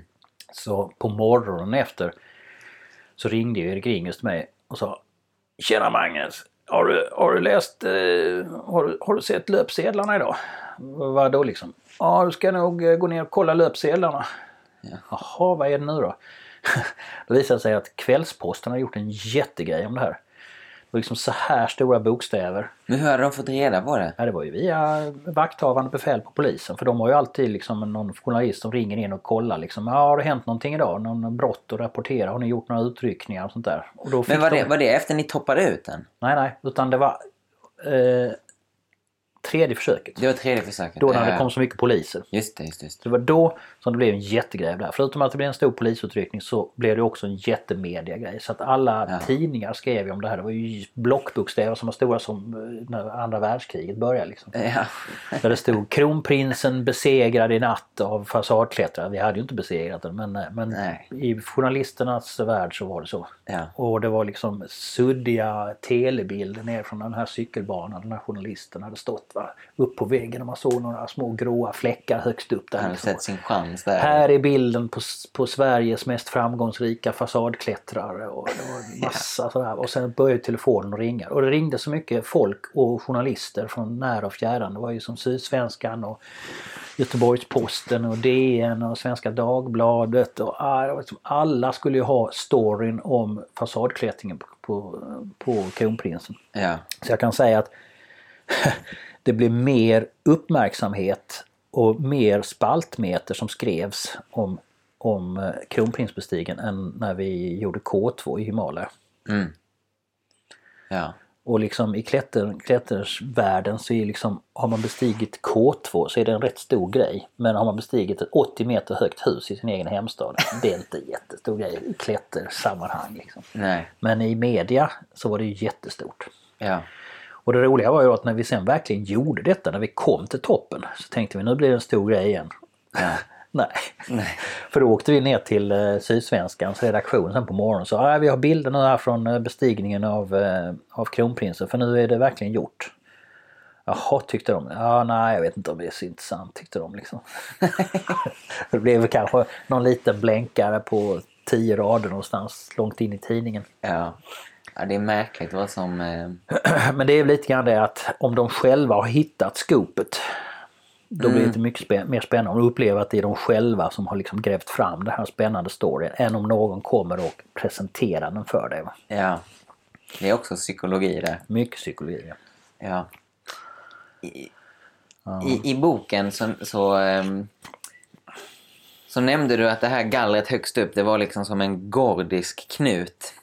Okej. Mm. Ehm, och eh, enligt myten så den, den som eh, löser upp den gordiska knuten blir härskare av Asien. Ja just det, så är det. Så var, var det det? Det gick i uppfyllelse också? Nej, knappast. Nej, det var bara att man Men ni, men ni... såg till att härska över sitt eget, eh, sin egen hybris. Och Ja. Det, det, man levde ett tag på det där ändå. För det var rätt kul för när vi kom upp då så tog vi en bild. Jag tror den finns med i, eh, i Hopcoila också där vi står Ja. i parabolantennen där och så har vi skrivit våra namn i parabolantennen med en Mm. tuschpenna. Ja. Så att eh, vi tyckte det var förbaskat kul att ha gjort det. Eh, men eh, det är ju ingenting man liksom sätter på sitt klätter-CV direkt. Nej. Det är inte en klätterbedrift rent tekniskt som sådant. Det är bara en kul grej. Nej. Men, men sen... Eh, jag tänkte på det här med Asien, att sen så blev det... Var det K2 som följde? Eller var det Mus, Eh. Mustang Tower efter det? Bra fråga. Och då, om man ska prata expeditioner så har jag ju då... Första expeditionen jag var på var ju faktiskt 87 när vi var i, på Grönland med några danskar. Mhm. Jag vet inte om det har nämnt det här men... Eh, jo, det står här. 87. Skåningar och danskar genomför för första gången en gemensam klätterexpedition. Och det var Kettil-expedition till Grönland. Så det var min första, första gången jag var iväg liksom ett, ett gäng där man hade ett väldigt distinkt mål på ett ställe där nästan ingen kommer. Eh, där det är liksom komplicerad logistik. Mm. Och man har sponsorer och allt det här. Det är väl det som är, för mig i alla fall, definitionen av en expedition. Ja. Klätterresor gör ju alla men expeditioner är ju då lite annorlunda och ska man försöka definiera det så kan man väl säga att om man är en, en sammansatt grupp, inte bara man själv eller med sin kompis, om man är en sammansatt grupp och man har expeditionssponsorer och om det är komplicerad logistik och det är under en längre period man åker dit och vistas där för att göra ett väldigt avgränsat tydligt mål i klättring. Ja. Då kan man väl kalla det för en expedition. Och då är det första gången jag var iväg 87. Ja. Och sen kom Mustang-expeditionen eh, 90. Ja. Och sen var det K2 93 och sen var det eh, ja, vi var faktiskt i Nordafrika, jag och Göran Kropp. Det skulle nästan kunna kallas för en expedition för vi hade sponsorer där också. Mm. Och det var också 93. Och sen eh, hade vi, jo vi hade faktiskt sponsorer när vi var på Baffin 95. Och sen var jag med Patrik Lind, ska man kanske nämna också, 91 var vi i Sydamerika och klättrade också på Fitzroy. ja. Coolt. Och då hade vi också sponsorer. Eh, Men det var ju bara han och jag då i och för sig. Och sen var ju den stora eh, balunsen var ju 97. Måste det varit ja. 97 var Trango. Trango-expeditionen. Okej. Men... vi- vilken var... För K2 måste ha varit rätt eh, speciell. Men jag känner inte... Vad är Mustang Tower? Jag känner inte till det. Nej, det är inte så många som gör. Mustang Tower eh, var ju ett berg som, och det var ju då första gången som jag sa, som vi var i Himalaya de flesta av oss, förutom Göran Kropp som hade varit i Pamir Ja, det var, just det. Det var efter Sternik-episoden. Eh, just Eller? det, precis. Det var precis då den expeditionen skulle iväg på efter Sternik. Och då eh, var ju det var ju Rafael Jensen uppe i Göteborg som också faktiskt har varit Skånes klätterklubbmedlem en gång i tiden. Han tyckte att det var dags att åka iväg på någon, något större berg och klättra. Han hade klättrat eh, rätt många år precis som jag då och eh, tyckte att nu får vi liksom eh, spänna bågen lite extra och se om vi hittar något häftigt berg i Himalaya. Och jag kommer inte riktigt ihåg varför valet föll på Mustang Tower men det var ju ett ganska brant berg, tekniskt svårt eh, men inte eh, tillhörde inte 8000 meters topparna så att det var hyfsat billigt att köpa tillstånd på. För att tillstånden är, är hela tiden relaterade till höjden på berget. Ett Okej. 8000 meters berg kostar mer än ett 7000 meters berg. Och man köper tillstånd för en hel expedition då? Ja, eller? precis. Och eh, sen var det också lite kul med, med Mustang för att eh, det var inte så ofta klättrat. Eh, bland folk som håller på mycket med alpin klättring och framförallt i Baltor-området i Himalaya, eller rättare sagt Karakorum heter ju det, Ja. västra delen av Himalaya. Eh, så är, känner ju folk till det här berget för det har kallats för det omöjliga berget för att eh, det dröjde länge innan folk gjorde det. Ja. Eh, och eh, det dröjde till efter Everest. Everest 90 var 53 va? Och sen var väl Mustang, har för mig var 56 som första, första bestigningen gjordes. Och eh, det var väl delvis för att det ligger otillgängligt. Det är en väldigt lång eh, anmarsch. med Flera dagar, flera, ja, ser man i dagsetapper så är det mer än en vecka. Det tar det inte i verkligheten så lång tid att ta sig in men, men det tar lång tid. Det är långa vägar att gå. Och det är väldigt isolerat. Det finns inga sådana här tehus på vägen som det finns i Nepal när man ska in till Everest. till exempel. Va, vad är det för någonting? Ja, tehus är sådana här ställen du kan, små byar där du kan sta- stanna och få lite mat och, Okej. och, och, och eh, dricka och fylla på lite proviant kanske. Och bärarna kan få liksom raster där det är lite ordning och reda. Men eh, när det gäller eh, Karakorum så är det bara öken.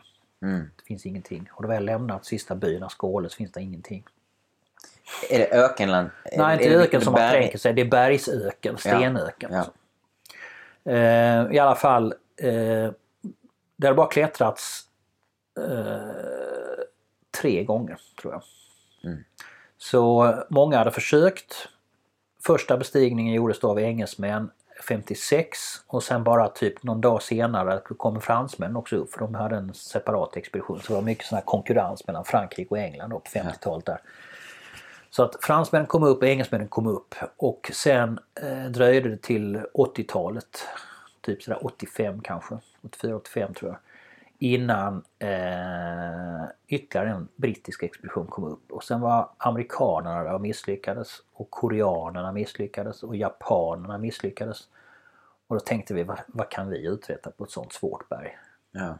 Och tittar man på bilderna så ser det rätt häftigt ut alltså. Det är Ja. brant. Tänkte ah, vi provar.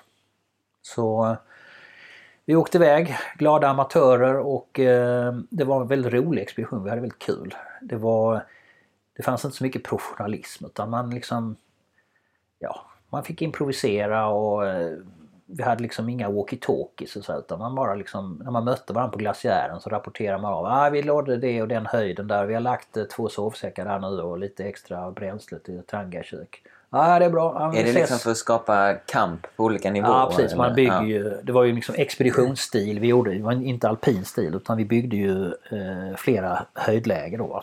Mm. Först etablerar man basläget och sen har man då eh, kanske ett ABC, framskjutet basläge och sen kommer C1 och C2 och C3 och kanske till och med C4 och sen så går man mot toppen. Mm. Och att bygga de här lägren tog ju lång tid och det Ja. var ju så man gjorde. Det var ju klassisk expeditionsstil. Så gör man ju oftast inte idag. Idag så är det ju mycket vanligare att man går i alpin stil, det vill säga man har allting på ryggen och det är den stilen som som promotas i, i, internationellt. Att man, men slår man upp tält då på vägen och packar Ja. ihop det? Och fort, ja, Packa okej. ihop och fortsätter. Ja, ja. Eh, nackdelen är då att, eh, att det är mycket svårare med akklimatisering om man gör på det sättet. Gör man ja. klassisk expeditionsstil då blir det ju automatiskt, alltså naturligt akklimatisera av att springa upp och ner fram och tillbaka mellan basläget och Ja. Så att eh, rent medicinskt är det egentligen ett bättre sätt att göra det tycker jag. Det blir, det blir en långsam och mer gynnsam eh, anpassning till höjden. Då. ja. I alla fall, det tog lång tid men vi fick upp två man på toppen. Så Rafael Jensen eh, och eh, Göran Kropp eh, kom ju upp på toppen och blev då ja, fjärde expeditionen som lyckades bestiga berget Ja. överhuvudtaget. Och de första svenskarna på toppen. Så det var ju kul. Eller ja, både svensk och dansk. För Dan- Rafael har ju faktiskt dansk medborgarskap så att han får ju sola sig i den glansen också. ja. Men det var framförallt som sagt en, en, ett gäng amatörer. På, eh, I alla fall när det gäller Himalaya-klättring. Och som amatörer så har man inte så mycket prestige. Det, det, man har inte så mycket tryck på sig. Man kan liksom slå underifrån. va. Ja. Och då eh, har man inte så mycket press på sig. Så vi bara, det var rätt avslappnat och kul. Men eh, vi hade ju också en, en del farliga situationer. Jag kan säga att för min egen del så har jag nog aldrig varit så nära att stryka med som på Mustang-expeditionen. Ja, det är så. Det var en rätt obehaglig incident eh, som faktiskt är beskriven i en tysk bok eh, som handlar om klätterolyckor. Som heter Sicherheit und Risiko in Felds. Som är skriven av Pitt Schubert. Som var eh, president i, eh, i eh, säkerhetskommittén i UIA. UIA är den internationella eh, organisationen för alla klätterförbund i världen. Hmm. Precis som Fifa är det är, är organisationen för alla fotbollsförbund. Okej, jag känner igen nu jag men jag, jag visste inte exakt vad det var. Nej, jag förstår. Men grejen är att eh, UIA har då eh, Svenska klätterförbundet är medlem i UIA. Mm. Precis som Dansk bjärklubbs Ja, ja. eh, danska förbundet och norska och så vidare. Allihopa är med där. Och i UEA har man olika subarbetsgrupper. Det finns en säkerhetsgrupp då som har jobbat med säkerhet där jag också har faktiskt varit representant för Sverige under ett antal år, då, början på 2000-talet. Och den som var president i säkerhetskommittén, han skrev den boken då, Risiko och Sicherheitsinfels. Och när han fick höra om den här olyckan som vi hade haft med Mursak tänkte ah, den ska vi skriva om för den var så speciell. Och det var det att, att eh, vi hade satt upp fasta rep på eh, kammen till toppen. Alltså eh, det är en lång kam som man följer upp till toppen. Och den här kammen klättrar man liksom lite grann, på, ibland uppe på kammen men oftast på sidan av kammen. Och den var ganska brant på sina ställen. Klippa ibland, snö ibland, lite mixat. Och på ett ställe hade vi satt upp fasta rep där det var i princip isvägg. Eh, som lutade kanske en... Eh, ja, det var ganska brant. 65 grader kanske. Mm. Och eh, då hade vi satt fast ett rep som eh, jag vet inte om det var köpt på Bachmans skeppshandel eller någonting. Ja, det var inte klätterrep i alla fall för vi skulle ju ha billigt. Yeah. vi, liksom, vi hade inte så mycket sponsorpengar så att vi försökte att hålla ner kostnaderna. Så Erik Ringers hade gått och köpt vanligt sån här slaget. Han var med också? Han var också med där ja. ja. Slaget polypropylenrep. Mm -hmm. Sån här vanligt blått. Ja. Vet, sån boxerlina i princip. Ja. Sånt har han hittat och sen har han gjort dragprovtester på det själv. Lagt ut det på kullen och hållit på och lekt med det och gått på Jomars på och sånt där testat. Ja ah, men det verkar funka det här liksom. Så det hade vi med oss och hade satt upp där. Ja. Problemet med det här repet var ju att eh, det var väldigt känsligt för eh, nötning mot skarpa klippkanter. Och just på det här mm. stället vi hade satt upp den här repsektionen så hade vi satt det först fast i ett par klippblock som stack ut genom isen. Eh, och, eh, och sen ovanför fortsatte ju fler rep vidare uppåt så man kunde fortsätta att gå upp. Men så gick det från klippblocket ner till en isskruv som vi skruvar i isen. Satte fast där. Och eh, eh, sen fortsatte det längre ner och satt fast i några stenblock längre ner. Och sen kom liksom stupet där, där så att säga den här kammen eh, blev en vägg på 800 meter. Mm. Kammen liksom gick ner på sidan så och här nere kom väggen. Så det var liksom på sidan här på kammen som den här isväggen var. Yeah. Så att jag firar då från det här klippblocket ner på sidan.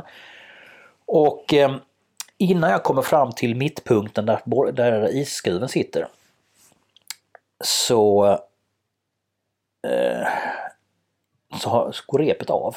Jag hänger där i min finingsåtta och så, pop, så bara släpper repet uppifrån. Och jag fattar ingenting. Då har det legat mot en vass kant där uppe troligtvis. Mm. Och det innebär att eh, när det släpper så faller jag ju bara baklänges. Så, och börjar kasa längs med den här 60-gradiga isvägen med ja. huvudet före. Full kareta neråt.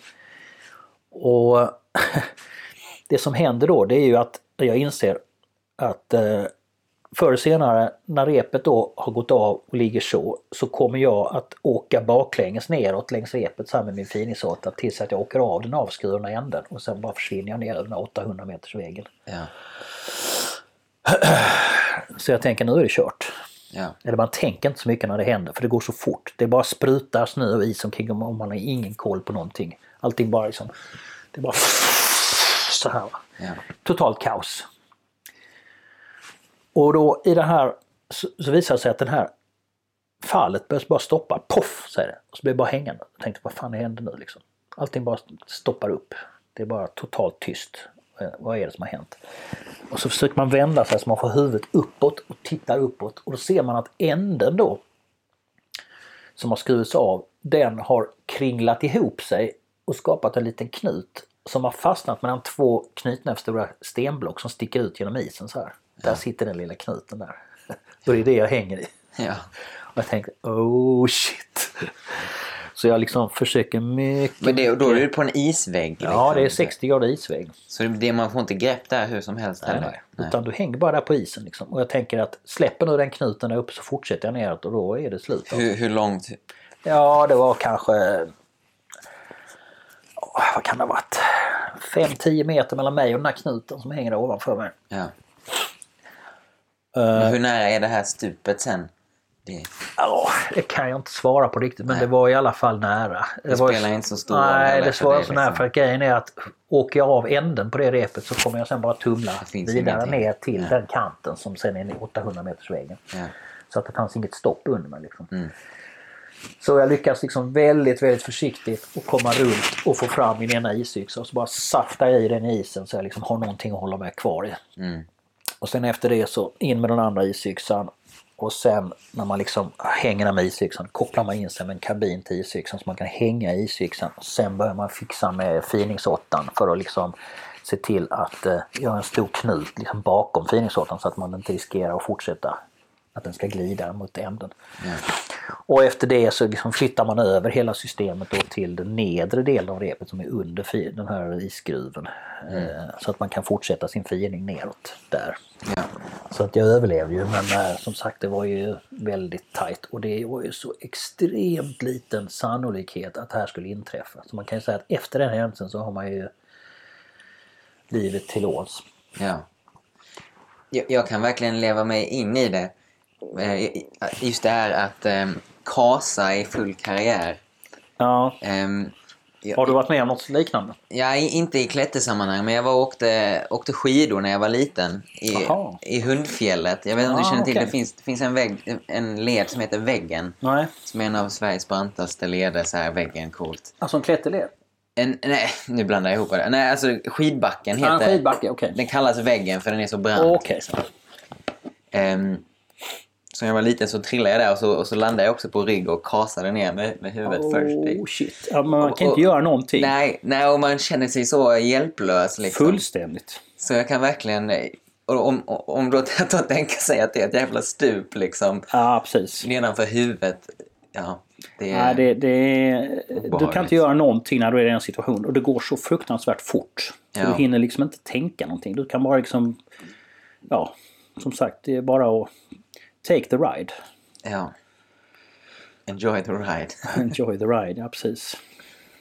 Du måste varit rätt skakad. eh, Eller liksom efter en sån upplevelse. Eller hur... hur eh, Ehm, alltså de flesta brukar ju säga att när det händer någonting sådär som är ett close call så blir de flesta väldigt eh, logiska. Man fungerar som en maskin. Därför att eh, det verkar som kroppen och, och, och intellektet är, är inställt på att bara syssla med en sak, nämligen se till att man överlever. mm. Och det har må- många gånger människor berättat som är med om flygkatastrofer och sådär att eh, man tänker bara väldigt logiskt att nu ska jag lösa situationen för att överleva här. Ja. Det är ofta det som, som brukar hända. Det är det vanligaste reaktionen. Så I mitt fall så var det precis så att man, liksom, man ägnade inte så mycket tanke, det var inte så mycket känslor inblandat. Bara liksom att, huh, tur att det blev så här. Ja. Nu gäller det att reda upp resten av situationen här när jag har fått den här andra chansen att repet har stoppat. Nu måste jag se till att eh, kapitalisera på den här turen jag har haft och verkligen överleva detta. Och då sätter man igång och tänka väldigt logiskt och fyrkantigt kanske för hur det här ska redas ut nu. Så det var inte så mycket känslor. Men efteråt kanske man tänker tillbaka på och tänker att shit vad nära man var alltså. Mm. Kunde ju... Det hade ju varit mer sannolikt att det hade gått åt helvete egentligen. Mm. Att en sån liten knut, hade man liksom stått nedanför en hög isvägg och försökt slänga upp ett rep så det ska bildas en knut mellan två stycken utskjutande små stenar i isen. Ja. hade man ju fått rätt, kasta upp repet många gånger innan det hade fått att och liksom fastna där. Ja. Ja. Shit happens i klättring. Så är det. Som tur är så när det gäller bouldering så är det ju inte riktigt lika. Alltså det, de flesta dör ju inte när de bouldrar utan det som händer är att folk stukar sig. Ja. Vrickar och bryter anklarna och handlederna och sånt där va. Ja. Så det är inte lika dödlig variant av klättring. Nej, verkligen inte. Men eh, ja, nej klättring är farligt så är det ju bara. Ja. Och som vi sa att eh, vi vill inte att det ska vara ofarligt men vi vill ju samtidigt överleva också. Ja. Det ska vara den här berömda balansen. Den här boken som jag bläddrar i nu den är lite speciell för att den en av de få böckerna som inte värjer för det där obehagliga. Alltså, här får man se liksom, bilder på döda klättrare och människor som har mm. råkat riktigt illa ut. Och det är en, en rätt nyttig grej. Mm. Inte blunda för... Um... Man ska inte blunda för att saker och ting kan gå åt helvete. Så det är den händelsen då som handlar om det jag råkade ut för. Där ser du tydligt liksom hur... Ja, ja det är helt... Eh... Han skulle köpt en lott den dagen. Ja, det är mäktigt med de här stora bergen. Ja, det, det är det som är så fint med klättring som sport också. Att den innehåller ju så väldigt många olika discipliner. Du kan hålla på med alpinklättring, du kan hålla på med, med traddklättring på mindre klippor på Kullaberg, du kan hålla på med snökamsvandringar och du kan hålla på med vattenfallis, isklättring, brant vattenfallis eh, ja. eller alpin is. Du kan hålla på med big walls, du kan hålla på med fasadklättring. Ja. Eh, man kan klättra i grottor och man kan bouldra och man kan klättra på inomhusvägg. Så att hela det spektrat är liksom en och samma ja. familj av sporter. Va? Ja. Men ändå så är upplevelserna väldigt speciella i varje disciplin. Att röra sig från en sån här liten bouldering lowball, de minsta små blocken till liksom mm. Mount Everest. Det är liksom ja, det är en stor eh, skillnad men det är ändå samma sport. Liksom. Ja. Det är bara applicerat i olika olika miljöer, det är ja. olika utmaningar men det är samma, samma sport. Ja. Tillhör samma familj. Så det tycker jag är häftigt också. Det är ju en, en sport som på så vis är oerhört mångfacetterad. Mm.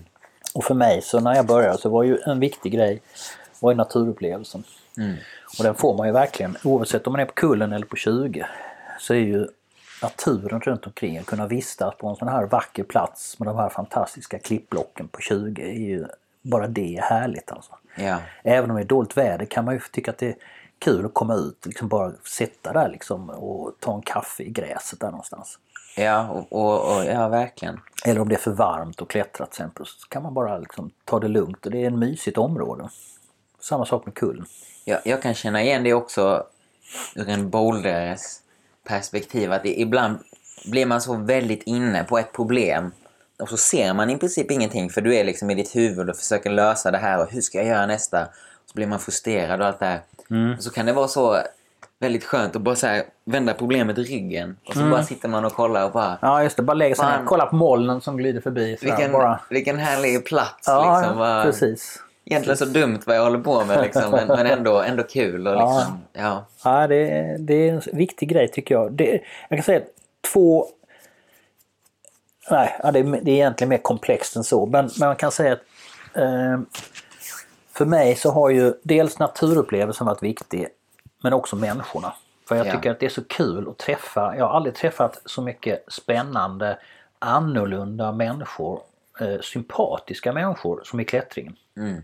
Även om det har varit Vissa har varit ufos så har det varit jävligt kul. Man har haft ett stort utbyte. Man har haft roligt när man har varit ute med dem. Mm. Så den sociala biten har varit viktig för mig. Ja. Och, och det, jag kan verkligen känna igen det. Alltså för att... För det är någonting med att ha så här... Att göra fysiska grejer tillsammans där det finns risk. Som i, i bouldering då så spottar man varandra och jag kan bara tänka mig alpinism liksom. Och så här. Mm att, att det blir det är annorlunda än att bara sitta och snacka på ett café. Liksom. Att, att gör, det blir ett helt annat band och det blir mm. liksom... Det blir det. Det, blir verkligen... Um... Ja, det, blir en, det kan bli en väldigt bra gemenskap. Ja, och just det här liksom att okej, okay, du har min rygg eller liksom nu litar jag på dig att du, ja. du håller i repet eller vad, vad än det är. Ja, det, det, kan bli väldigt starka vänskaper. Och det liksom, kan det bli.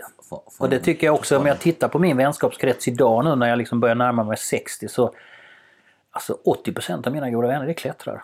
Mm. Det är där som jag har bondat liksom med folk. Genom att man har varit ute på resor tillsammans eller varit, gjort turer på kullen eller ja. 20 tillsammans för att ha många gemensamma klätterminnen. Och det är, är någonting som finns kvar länge. Det är en, eh, jag är glad att jag har investerat så mycket tid som jag har gjort i klättring. Mm. Ja. Det är precis som Daniel Eman berättade i en annan podd här att eh, allting handlade om klättring under tio års tid liksom för honom. Och det var samma sak för mig. Hela 80-talet och i princip hela 90-talet var bara klättring. Ja. Jobb och karriär var helt ointressant. Ja. Så det var inte förrän jag kom upp i 40-årsåldern som tänkte kanske skulle man utbilda sig till någonting. Ja. Bli, få ett vanligt yrke också. För jag har ju hållit på väldigt mycket med klätterutbildning. Mm. Så jag har ju drivit den här äventyrsskolan som, som eh, har gjort kurser på Kullaberg i, många herrans år. Och det var ju mitt liv. Ja. Att klättra och att eh, göra klätterkurser och vara ute och resa. Ja. Och det skapar ju då en ryslig massa möten med människor. Spännande människor. Och det var viktigt. Ja. ja jag, jag tror verkligen det är viktigt att, ehm, att följa såna, följa sitt kall liksom. Ja, Ehm, det, det finns många av mina kompisar som inte då har gjort samma sak. va. De har klättrat men sen så har de kanske mycket tidigare, kanske när de är 25-årsåldern, redan börjat och, och liksom dra ner på klättringen och satsa mer på ett så att säga vanligt liv då va, och gått in i eh, det här med Volvo, villa, vovve och eh, det är inget fel i det. Det är ett annat sätt att leva bara och eh, det har de tyckt känns mer attraktivt och då har de gjort så också. Ehm, och ehm, det, det är, ehm, vad ska man säga, det, det är inget konstigt med det men ska man då välja ett liv som Eman gjorde då så måste man göra uppoffringar. Det tror jag han sa också i programmet som jag lyssnade på att eh, när man väljer en viss väg så måste man vara medveten om att det kan ge väldigt mycket men det är också ett offer. Du offrar mycket. Va? Och har man redan vid 25 års ålder gett upp klättringen då kanske man inte kommer att få vara med om att vara på en expedition på K2 eller Ja. göra en Big Wall i USA i Yosemite och sådär. Men man kommer å andra sidan att ha en stadig inkomst och eh, sådär när man är lite äldre. Och det kan jag ju säga att nästan alla mina kompisar tjänar ju mer än vad jag gör idag. Ja. Men det är ju för att de också har satsat mer på det. Ja. Men det innebär också att de kanske inte har riktigt lika mycket klätter eh, minnen eller klättererfarenheter i bagaget. Nej men allting har väl sina fördelar och nackdelar på olika sätt. Det är det med Och, och får gungor och karuseller liksom. Ja, och man ska ju välja...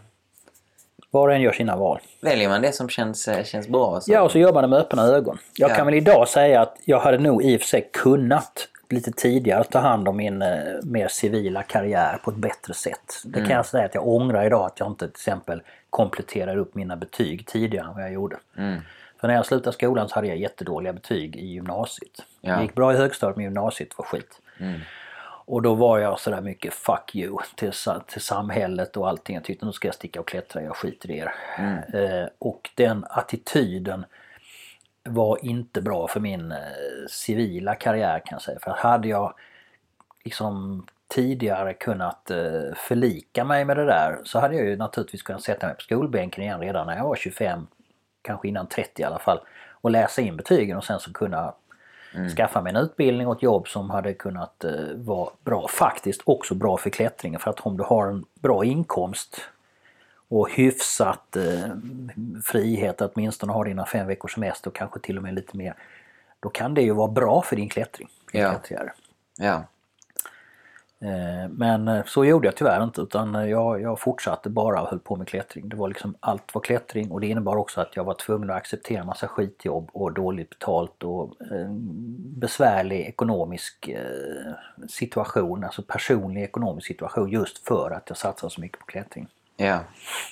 Men jag ångrar egentligen inte det för det har ju som sagt gett mycket också klättringen. Jag har ju jättemycket som jag har gjort och som jag inte kan eh, säga att jag ångrar i klättringen. Nej. Nej, och jag... Jag vet inte. Jag tänker så att man... Det är ingen poäng med att ångra saker. Nej, och sen Det är det också så det att det brukar fixa sig ändå på något sätt. Va? Ja. Menar, även om jag eh, inte har kommit i närheten av mina kompisars karriärer som har liksom verkligen kommit långt med sina jobb och sina utbildningar och som har liksom en stabil position på arbetsmarknaden och, och jag har bara liksom hållit på med ganska okvalificerade jobb. Mm. Så sitter jag ändå här, jag bor liksom bra, jag har liksom mitt lilla bibliotek och jag har liksom byggt med min egen lilla klättervägg och, och kan fortfarande åka ut och resa lite och pyssla med det jag vill. Va? Ja. Så att, eh, det, det blev inte så dåligt som man skulle kunna tro när man var 40. För då hade jag en sån här livskris. Jag tänkte, fan ska jag stå här på Kullaberg och lära ut repbromsen ytterligare 30 år här? Ja. Eller 25 år. Och då tänkte jag, det här kommer inte gå. Det här kommer bli, gå dåligt. Ja. Men det gick inte så dåligt ändå. Det blev rätt bra ändå. Nej, och, och... Man är mycket oroligare när man är yngre. Ja. Och som i din ålder så är det ju mycket som man är orolig för framtiden. Hur ska det gå? Ska jag få ett jobb? Ska jag liksom få ihop en familj? Ska jag kunna ja. göra det jag vill? Vad är det som ska hända? Kommer jag träffa någon som jag kan ha en bra relation till? Och allt det här. Va? Det är så mycket frågetecken och så mycket som oroar en. Ja. Och det enda man kan säga då när man är äldre till någon som är yngre det är att man ska inte oroa sig för mycket. Nej. För att de flesta problem löses av sig själv. Ja. Men jag tror det är nog också bra att oroa sig lite. Lite grann, men inte för Lagom dos. B bara lagom dos. Ja. Men, men ja, ja, jag, jag... Nu, nu känner jag så att jag tror, jag tror det kommer lösa sig. Ja, det är bra. Det är helt rätt. Man får liksom lita lite på ödet också. Ja, det är ju så. Man kan inte påverka allt. Och det kommer att hända bra saker och det kan hända dåliga saker. Det är så livet är. Man får välkomna båda med öppna armar. Ja, lite så. eh, var det någon sa att eh, Don't worry about life or climbing because you aren't coming out alive anyway. Ja. man, är, man är bara en besökare här. Precis. Um, men ja, vi, vi var lite inne på 20 kull nu. Ja. I de här noteringarna så, så eh, stod det också att ni besökte, eller du, jag kommer inte ihåg vem det var, besökte ja, 20 kull väldigt just det, väldigt tidigt, tidigt också. Ja. Jag, återigen då, Daniel Eman sa att han var där typ, vad var det, 85 kanske? Nej, Nej, vänta, han började klättra 89, så det måste varit eh, tidigt 90-tal han var det va? Ja, jag vet att de första problemen i guideboken ja. för 20 kull är 93, ja, eller 92. Just det. Ja. Um, men det. Men jag tror kanske att det finns ju namnlösa grejer som säkert gjordes innan, men jag vet inte riktigt. Ja, nej, jag, det, jag kan inte så mycket 20 kull. Jag har ju guideboken här och Harald. Men eh, jag kan bara säga att någonstans runt 83 så var jag på 20 kull första gången. Mm. Och eh, på den tiden var inte bowling så stor grej. Det var liksom Nej. bara en, en träningsgrej. Man tränar lite grann för att kunna göra liksom tradturer. Ja. Och större berg. Um, så när vi kom till 20 kull, jag och Peter Groth som var en grisbonde här från eh, Kristianstadsslätten. Han var med i Skånes klätterklubb på den tiden. Han och jag vi körde runt och retade klippor här runt om eh, Hässleholm, Kristianstad, trakten, norra Skåne och sådär. Och så hittade vi då 20 kull och så tänkte jag, jaha, oj, ja, det är ju rätt bra klippa liksom. Men det är inte så högt. Nej. så det var liksom höjden. Jo, liksom man gick ah, nej, det är ju bara liksom 3-4 meter den här bouldern. Liksom. Det är inte så mycket. Och då var det ju bara att allting skulle göras med rep. Va? Ja. Antingen soloklättrade du eller så var det repet. Ja. Och då tyckte man liksom att fyra meter, det är inte tillräckligt att sätta upp ett rep på. Nej. Och då blev det plötsligt inte intressant för klättring. Hade man tänkt lite längre så kunde man insett att här finns rätt intressanta problem ändå. Ja. Boulderproblem. Och då kunde man tycka att här finns ju jättemycket att göra men så tänkte inte vi. Vi tänkte, vi gick runt och glodde på de här klyvda blocket och där tänkte oj här var ju lite högt men ah, det är lite för slätt, det ser svårt ut. Ja. Och jag vet inte om vi gjorde kanske oh, två, tre problem och sånt där. Har du något minne av var det var någonstans? Um, jag har faktiskt letat efter diabilder för det ska finnas diabilder från det besöket på mig och Peter när vi gör någonting där. Och jag har fortfarande inte hittat diabilderna men det finns Nej. någonstans i arkivet. Så det kan mycket väl vara att det finns någon första bestigning som är gjord ja, det här 83. det hade varit fräckt att veta, på tal om historia. Och ja, så. Nej men det, jag ska faktiskt kolla upp sen vid något tillfälle här om jag kan hitta de här gamla bilderna. För då kan jag ju säkert identifiera vilket block det handlar om. Ja. Men eh, just nu så vet jag inte. Jag vet bara att vi gjorde som så, två, tre block där och vi hade ju klätterskorna med oss och sådär. Va? Mm. Men, men jag kan inte säga idag vad det var för några problem. Men det Nej. var liksom första gången vi var på, på, på 20. Ja. Sen kan det ju funnits någon som har varit före oss också och klättrat där, det vet jag inte. Nej. Men eh, de flesta problemen är ju ändå rätt hårda. Ja. Om man jämför med klättring på Kullaberg, där finns ju massor med treor och fyror som du inte hittar på 20 alltså.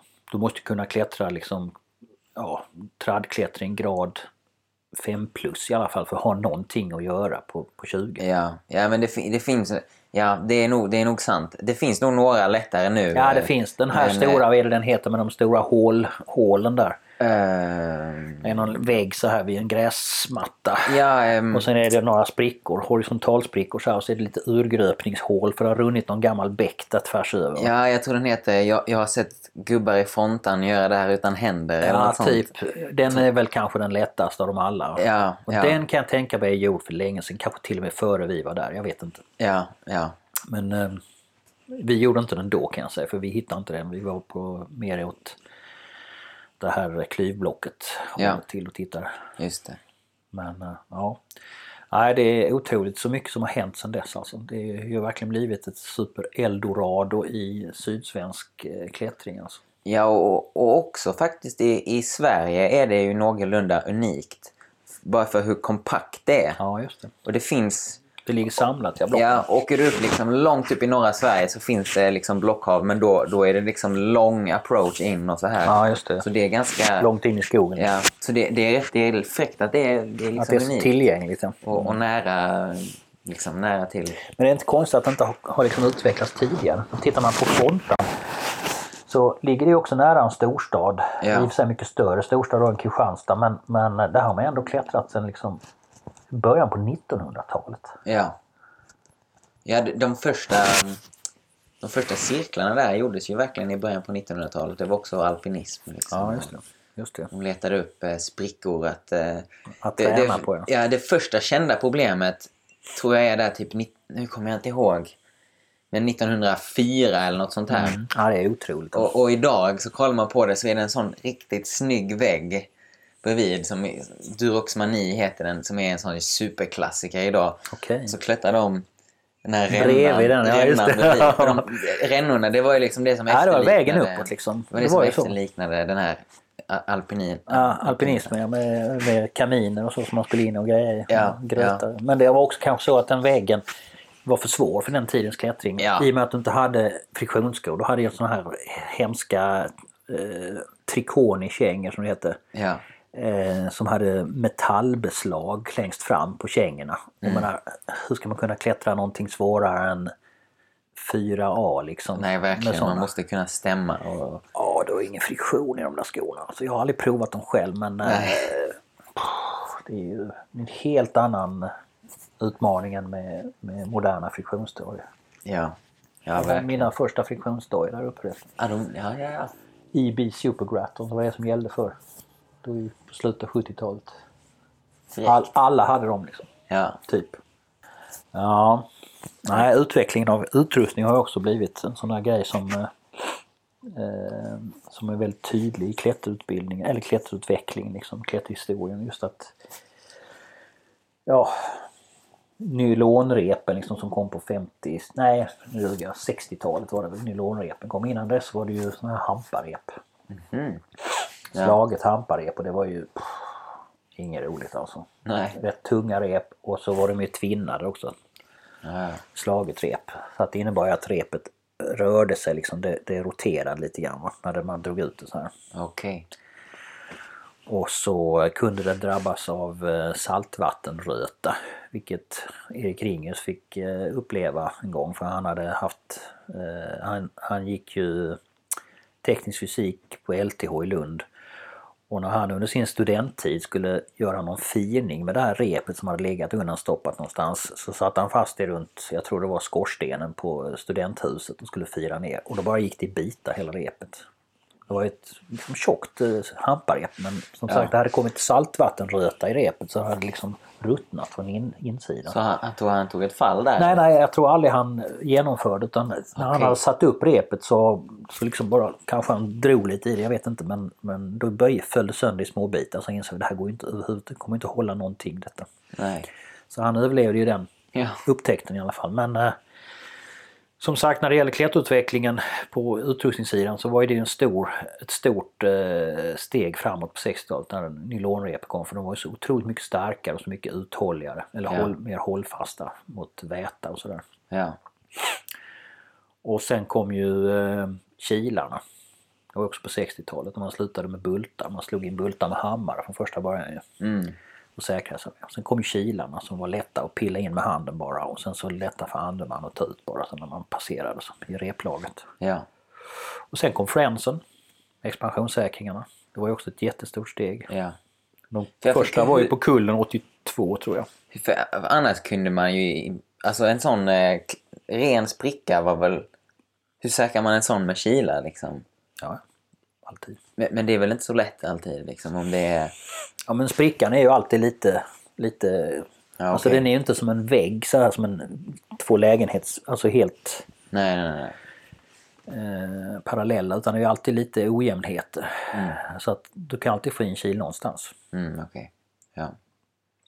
Så Nej, det var kil alltid som gällde. Och när jag började så som sagt fanns det ju inga, inga, eh, inga expansionssäkringar, alltså Friends eh, i Sverige. Utan de kom några år senare. Mm. Det fanns i USA men de hade inte kommit till Sverige då. Den första som hade Friends var en kille som hette Inge Jönsson i klätterklubben. Han, han var den första på Kullaberg som använde Friends. Och alla liksom stod och tittade på det här mekaniska vidundret och liksom insåg man att shit vad lätt den är att sätta in. Liksom. Man bara tog en sån helt parallell spricka nästan. Bara klick så satt den där Ja. och höll 1200 kilo. Fantastiskt. Ja. Det var ju verkligen ett stort genombrott. Ja. Och sen bara något år senare så kom ju de här Firé, Boreal Firé, ett spanskt företag som gjorde friktionsskor som hade otroligt mycket bättre eh, friktion i gummit än vad de här gamla Ibisarna hade. Mm. Så då brukar man tala om liksom före och efter Firé-skorna. Okej. Ja. Och alla köpte Firé-skor då. Så det var precis som att när jag började så hade alla Ibis Supergrattons och sen tre, fyra år senare så hade alla Firé-skor. Om man Ja. tittar på klätterbilder från de gamla, jag har massa klättertidningar här. Vare sig det var USA eller England eller Frankrike eller Sverige. Alla körde Firé. Ja. Det var liksom den nya.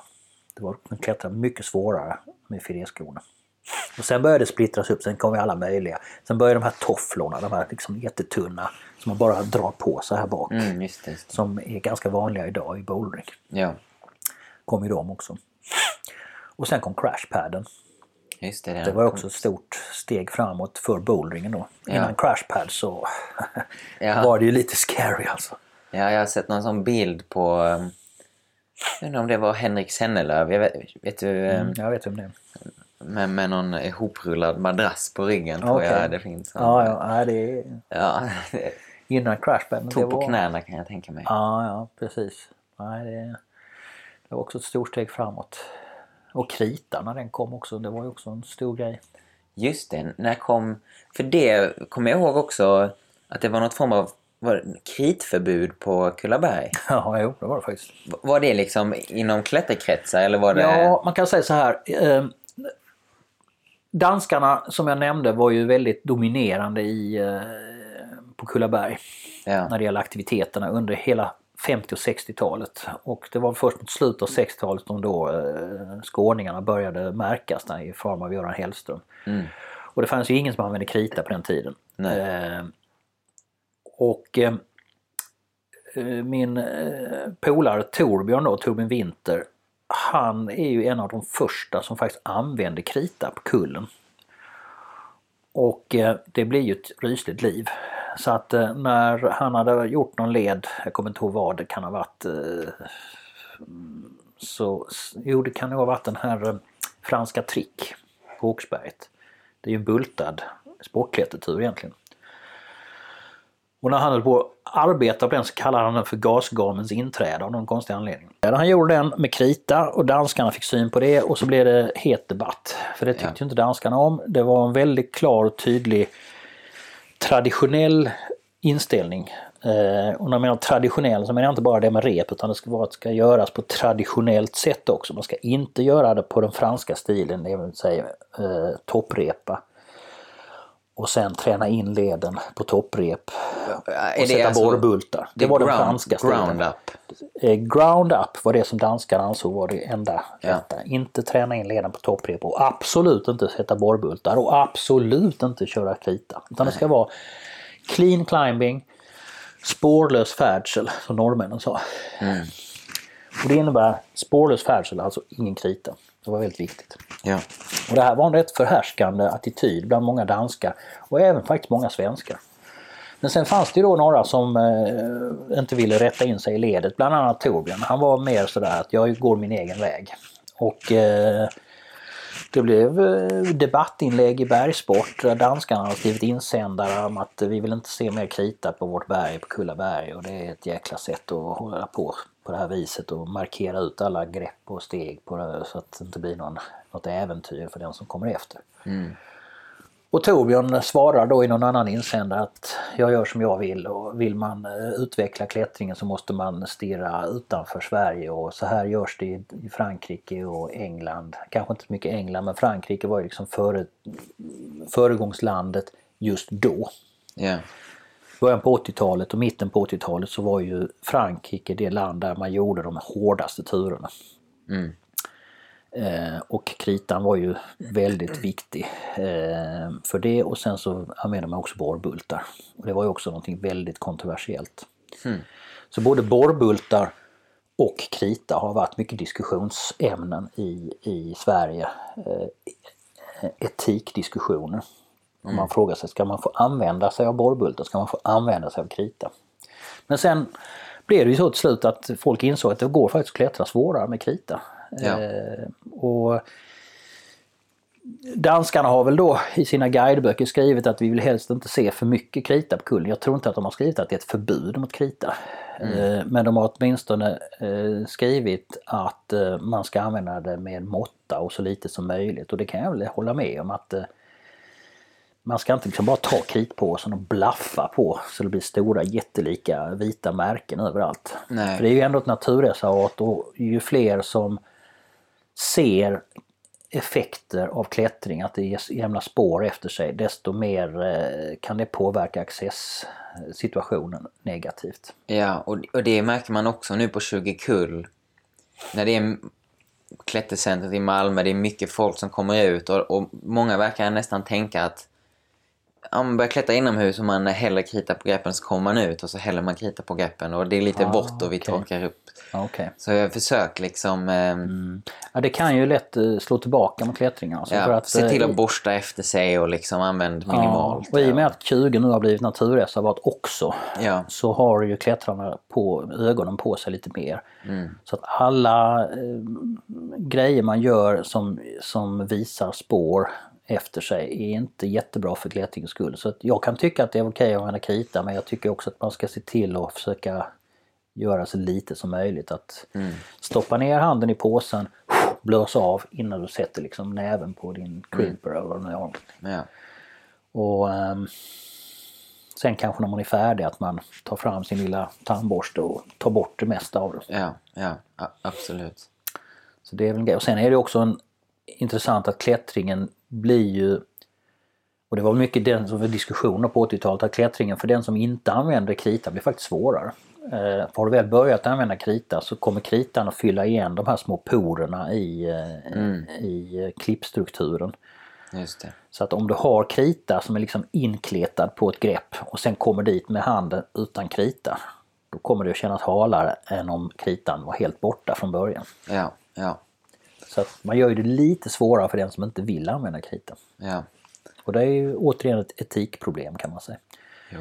Men som sagt, det, det, idag är det så accepterat med krita så det skulle vara helt sjukt att säga att vi förbjuder det. Nej, det, det var faktiskt, det finns ett klätterställe i, Alba, i Spanien som heter Albarracin. Ja, Där de la in ett eh, kritförbud. okej. Men det var, det var ingen som följde det. Nej, Och då faller det ju. Och så, eh, och så blev det- blev istället, jag vet inte vad som hände, men de fick lägga sig på det. För att Okej. i, i de områdena, om man inte får använda krita så är det samma sak som att säga det blir ingen klättring. Nej, precis. För det är såna här rundade formationer Ja, okej. och, och sådant. Men, Nej, då blir det ju jättebesvärligt. ja, Nej, att, eh, därför måste man nog försöka acceptera att kritan har kommit för att stanna men, men man ska kanske försöka att eh, eh, uppmana folk att vara lite återhållsamma med det för det kan Ja. som sagt skapa problem för framförallt access då. ja, verkligen. Och liksom, ja, Och, eh, och det är ju framförallt då i naturreservaten som man ska tänka Ja. så.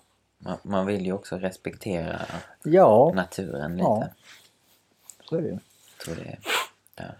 Ja, Men jag hade också velat, eh, vi har ju nämnt det här K2.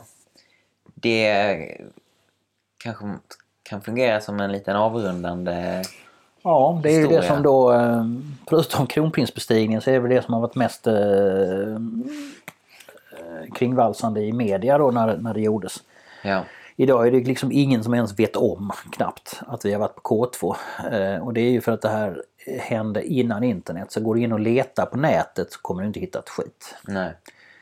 Så allting man hittar på nätet idag handlar ju om antingen de stora berömda klättrarna eh, eller allting som har hänt efter 95. Mm.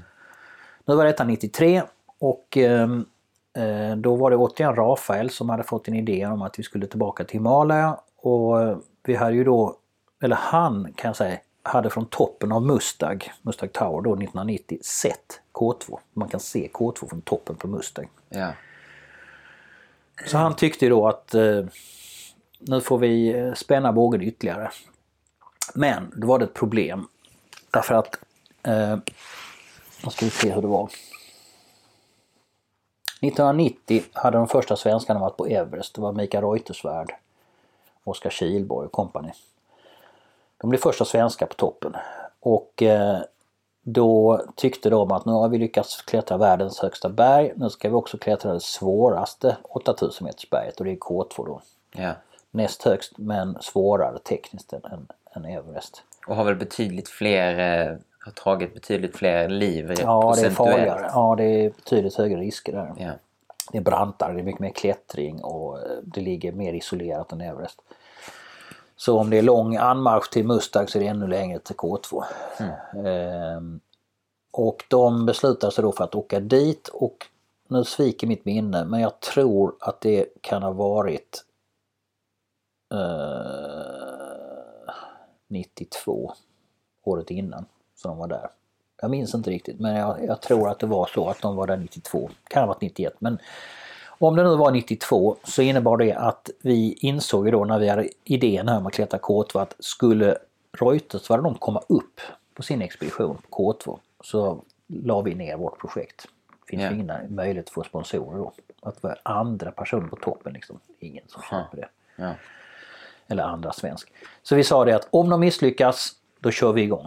Så att jag och Rafael vi träffades nere i, eh, i Sydamerika på eh, typ sådär februari-mars 92.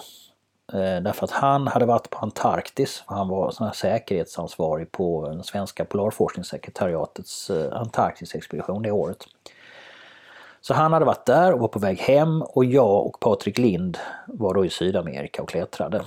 Eh, Vi var där jättelänge, tre månader och klättrade runt. Så då sa vi, det var liksom återigen rätt tur för det fanns ju inga mobiltelefoner då eller inget internet så att eh, eh, vad fan, fasen kommunicera? Det var typ sådär brev som skulle skickas till ambassaden och så skulle man hämta upp brevet där. Eller om det var post restante eh, man skickade på, till ett postkontor. Sen kunde man gå dit och fråga om det fanns någon post till en. I alla fall så lyckades vi reda ut att han skulle komma till Ushuaia med sin eh, forskningsexpeditionsbåt från Antarktis. Och sen skulle han ta sig därifrån till en liten bergshytta i Argentina i ett område som heter Bariloche. Och då skulle jag och Patrik komma dit vid ungefär det datumet så skulle vi träffas där. Så mitt ute i det här bergsområdet där låg en liten bergshytta så träffas vi då, jag, Rafael och Patrik Lind och då sitter vi och diskuterar upplägget för en K2-expedition, jag och Rafael. Och kommer fram till att vi kan göra detta eh, men vi måste först se hur det går för Reuterswärd. Ja. Och när de sen då misslyckas, för de hade ju dåligt väder på sommaren senare då 92, så inser vi att nu kör vi igång vårt projekt.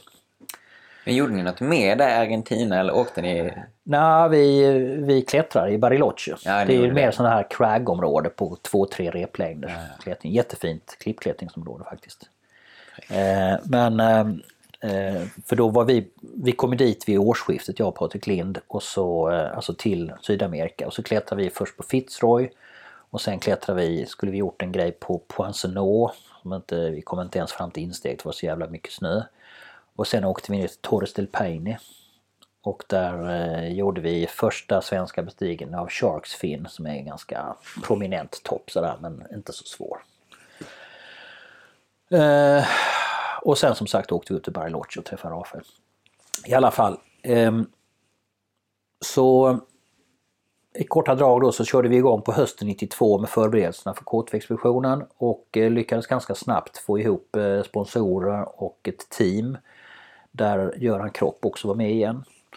Som hade varit med på Mustang. Men sen skar det sig lite grann där mellan Göran och eh, oss andra för att vi hade en sån här väldigt, vad ska vi säga, nästan eh, kommunistisk attityd till det här.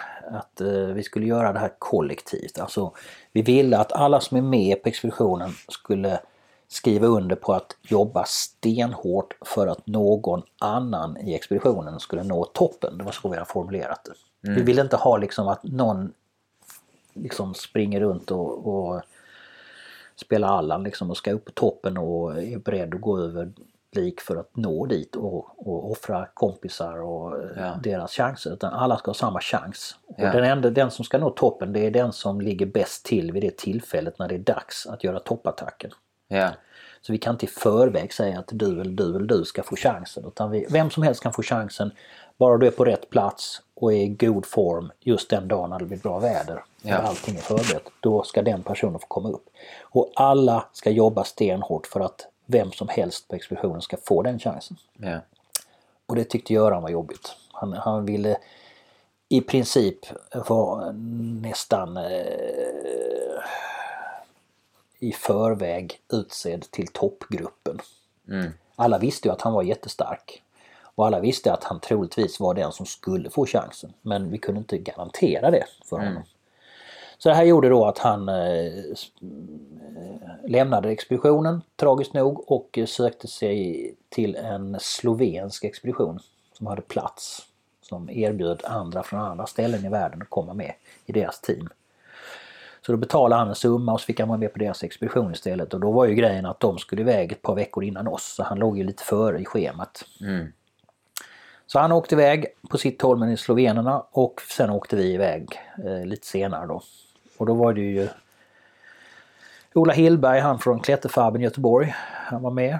Eh, en annan Göteborgsklättrare som heter Sten-Göran Lindblad som hade varit på Everest bland annat. Jättestark. Och så Daniel Bidner som var en av Sveriges absolut starkaste klättrare. Han hade en otrolig record alltså. Han hade inte varit på toppen på Everest men han hade varit på Everest och eh, han hade klättrat stenhårda turer, alltså traddturer och även sportklätterturer i Stockholm och på andra ställen i världen. Och han hade gjort jättehårda alpina turer i Norge och han hade gjort eh, big walls, jättehårda big walls i Yosemite. Och han hade liksom hela kittet. Han kunde allt. Han var duktig på allt han tog sig för i klättring. Yeah. Så han var med också. Och så Rafael då. Ehm, och du? Och så jag och så en kille som heter Jerker, Jerker Fredholm som eh, var också ganska duktig. Eh, en sån här riktig vad ska man säga, mansdröm. Han var liksom högt uppsatt militär, han var framgångsrik bergsklättrare, han var Viggenpilot, stridspilot, han var duktig musiker, ja. spelade saxofon i basläget på K2 och han var en jätteduktig fotograf, sålde bilder. Han kunde liksom allt han också. och så hade vi Claes Elofsson. Team. Ja, Dream Team. Malmö, en Malmökille som heter Claes Elofsson som jag faktiskt träffade på Kullen bara för ett par dagar sedan, eller ett par veckor sedan. Han var med som filmare för han jobbade för TV4 då. Eller om det var mm. SVT, jag kommer inte ihåg. Men han var i alla fall dokumentärfilmare och skulle filma hela rasket. Och den sista killen var då Håkan Bjärnelt som hade varit expeditionsledare på K2, eller på Everest-expeditionen 91. Tror jag. Jo. Och han var då med som vår expeditionsläkare. Så det var det gänget. Och ehm, jag kan inte dra igenom hela expeditionen här nu men eh, Eh, det var ju som vi, vi sa då, vi kunde sammanfatta det som en triumf och tragedi därför att vi kom ju upp på toppen. Vi fick ju upp Rafael och Daniel Bidner på toppen. Och därmed blev de ju de första svenskarna respektive första dansken på toppen på K2. Men sen hade vi då en tragisk olycka på väg ner där Daniel fick höjdsjuka. Och, eh, Bidner? Daniel Bidner, han fick höjdsjuka uppe i bottleneck som ligger mellan toppen och läge 4. Ganska högt, alltså uppe på 8000 meter. Och han faller eh, och tumlar ner från den här isväggen ner på över krönet och ner på den kinesiska sidan av berget och försvinner där så att han eh, omkom. Och det var ju en väldigt traumatisk upplevelse för alla på expeditionen. Och eh, då handlade det om att försöka fokusera folk till det enda vi kunde göra. Vi förstod ju att har man ramlat ner där så är det liksom fritt fall ner för en jättebrant nordväg och han var ju redan i väldigt, väldigt dåligt skick, Bidner. Mm. Han fick ju då det man kallar för eh, man, det finns ju två typer av höjdsjuka. Eh, det ena som kallas för HACE, High Altitude Cerebral Edema och HAPE, High Altitude Pulmonary Edema, alltså lungödem respektive hjärnödem. Mm. Och han drabbades av hjärnödem. Det innebär att det sker ett vätskeutträde i hjärnvävnaden. Och då blir ju medvetandet väldigt allvarligt påverkat. Man blir omtöcknad och man vet inte riktigt vad man är, förvirring och sådär. Och det var det mm. som hade drabbat Daniel. Ja. Och det var därför han också eh, föll och eh, som sagt har man varit i så dåligt skick som han var, han visste inte ens var han var när han Nej. höll på där och försökte ta sig ner då från toppen tillsammans med Rafael efter toppstigning. Så han påstod att han var någon annanstans. Han liksom pratade om små röda stugor i Dalarna och allt möjligt. Han var helt väck. Mm. Och till slut så ramlar han och bara försvinner iväg över kanten och då är det liksom det är kört. Om han inte har slagit ihjäl sig så kommer han dö väldigt snart av höghöjdssjuka. Ja. Så det var ingen idé att lägga ner resurser på att försöka leta reda på kroppen utan vi sa att nu ska vi satsa allt på att eh, få, få ner Rafael och få honom att överleva. För han var ju också i ganska dåligt skick. Han hade kanske inte höghöjds... Han hade inte hjärnödem eller lungödem men han, eh, han var ändå väldigt påverkad av höjden. Gick långsamt och eh, hade svårt att, att, hålla värmen. Han fick ju kylskador i, i, i tårna framförallt. Han blev av med tårna precis som jag. Ja, det var under den... Eh... Nej, det var jag råkade ut för kylskador mycket tidigare på en annan, eh, en annan tur. Okay. Så det var inte på K2. Men i alla fall, eh, han var i dåligt skick och vi var tvungna att satsa allt på att få ner honom levande och det gjorde vi. Och andra expeditioner hjälpte också till. Så att vi fick den slovenska? Eller? Nej, de hade redan stuckit då. Ja. De misslyckades eller? Eh, Nej, jag tror de fick, in, fick upp faktiskt folk på toppen. Bland annat Göran kom ju upp. Så han blev faktiskt, eh, för jag sa fel tidigare, jag sa ju att Daniel blev första svensk på toppen. Det blev faktiskt Göran som var första svensk på toppen. Han kom upp några veckor innan mm. på sin slovenska expedition. Och sen var det ytterligare någon sloven som var på toppen på samma expedition. Nej men eh, eh, andra expeditioner, som var, det var ju många expeditioner där. Mm. Svenska och slovenska och sen var det en kanadensisk och en amerikansk och sen var det en holländsk och det var alla möjliga. Och eh, många hjälpte ju till då när det här hände. Det var inte bara de som hade dött på K2 den sommaren utan det var ju andra också som hade dött. Och när det här inträffade så förstod ju alla de andra expeditionerna också att vi måste också hjälpa till. Så att vi fick ju hjälp bland annat av den här eh, väldigt duktiga ryske klättraren eh, Anatolij Bukrajev. Mm. Han hjälpte ju till och sen var det en som heter Roger Payne som också hjälpte till. Eh, och några till. Så att eh, vi fick väldigt bra stöd av de andra expeditionerna. Så de hjälpte till och ledsagade Rafael ner från läger 4 till läger 3 och sen så i läger 3 hade vi annat folk då från den svenska expeditionen som kunde hjälpa honom. Så vi fick ner honom levande men han som sagt blev av med några tår. Mm. Men han överlevde och det var vi väldigt glada för. Så att den expeditionen slutade ju som sagt både i triumf och tragedi. Det var ju hemskt att vi hade förlorat Daniel. Det var ju den första dödsolyckan i Himalaya för svenskars del. Så det var ju verkligen ett, eh, ett tungt eh, ok att bära faktiskt. Det ja. tog ju mycket av, eh, av för, förtog mycket av glädjen i expeditionen. Ja, jag förstår det. Men eh, ja, det skrevs mycket och det var ju delvis dels för att det var eh, den första svenska, första helt svenska expeditionen på berget. Eh, därför att Reuterswärd och de som var där, de hade ju inte bara misslyckats utan de var ju dessutom en, en expedition som egentligen inte var i första hand en svensk expedition utan det var en internationell grupp som hade sytts ihop. Där det fanns andra, alltså mexikanare och andra nationaliteter. Men vår mm. grupp var ju då helsvensk kan man säga. Även om Dan, Rafael var undantaget då med sitt danska medborgarskap så var han ju ändå, han har bott i Sverige i decennier så att han var ju ganska försvenskad om man säger så. Ehm, det som gjorde media så eh, på tårna där och det skrevs ju mycket då om det, det var ju just eh, dödsolyckan. Det var det som var det stora scopet liksom. Så att när mm. vi kom till Sverige då så landade vi på på Landvetter i Göteborg, hela gruppen. Och då fick vi ju sitta i en sån här eh, press... Eh, vad ska man säga, en press, sån här panel liksom, där man liksom hade dukat upp i något ställe då, någon pressrum där skulle vi liksom ta emot alla journalister. Det var ju liksom massor, det var ju säkert 20-30 journalister som satt där runt omkring och ställde massa frågor då. Allt skulle de ha reda på om expeditionen, varför gick det som gick och vad betydde det här och varför letar ni inte efter kroppen? Och... Kanske inte är det trevligaste liksom. När man ja, det var en rätt jobbig situation därför Ja. att eh, vi, vi var ju allihopa väldigt eh, påverkade av olyckan och Ja. eh, det blir ju en ganska Ja det var låg ju som ett tungt, eh, tung våt filt över hela expeditionen detta att vi har förlorat Daniel. Mm. Eh, och jag hade ju känt honom ganska länge då också så att eh, det var ju extra jobbigt. Vi gick ju KEB-kursen tillsammans en gång i början på 80-talet. Mm. Daniel och jag och Torbjörn. Och naturligtvis fler också men eh, och just att det var en så stor förlust för den svenska klättermiljön var ju tungt också för att han var ju, eh, var ju som sagt den kanske bästa klättraren vi hade och hade haft i Sverige fram tills dess. Alltså. Mm. Så det var en jätteförlust för svenska klättercommunityn. Ehm. Nej, så det var en jobbig tid och sen att träffa Daniels släktingar, så hans, hans, hans det var, det var ju faktiskt ännu mer tragiskt för att han skulle gifta sig när han kom hem. Mm. Och eh, det var en tjej som hette Ulrika som också var klättrare från Stockholm och de hade planerat bröllopet ganska länge. De hade till och med skickat ut inbjudningarna till folk då till bröllopsevenemanget.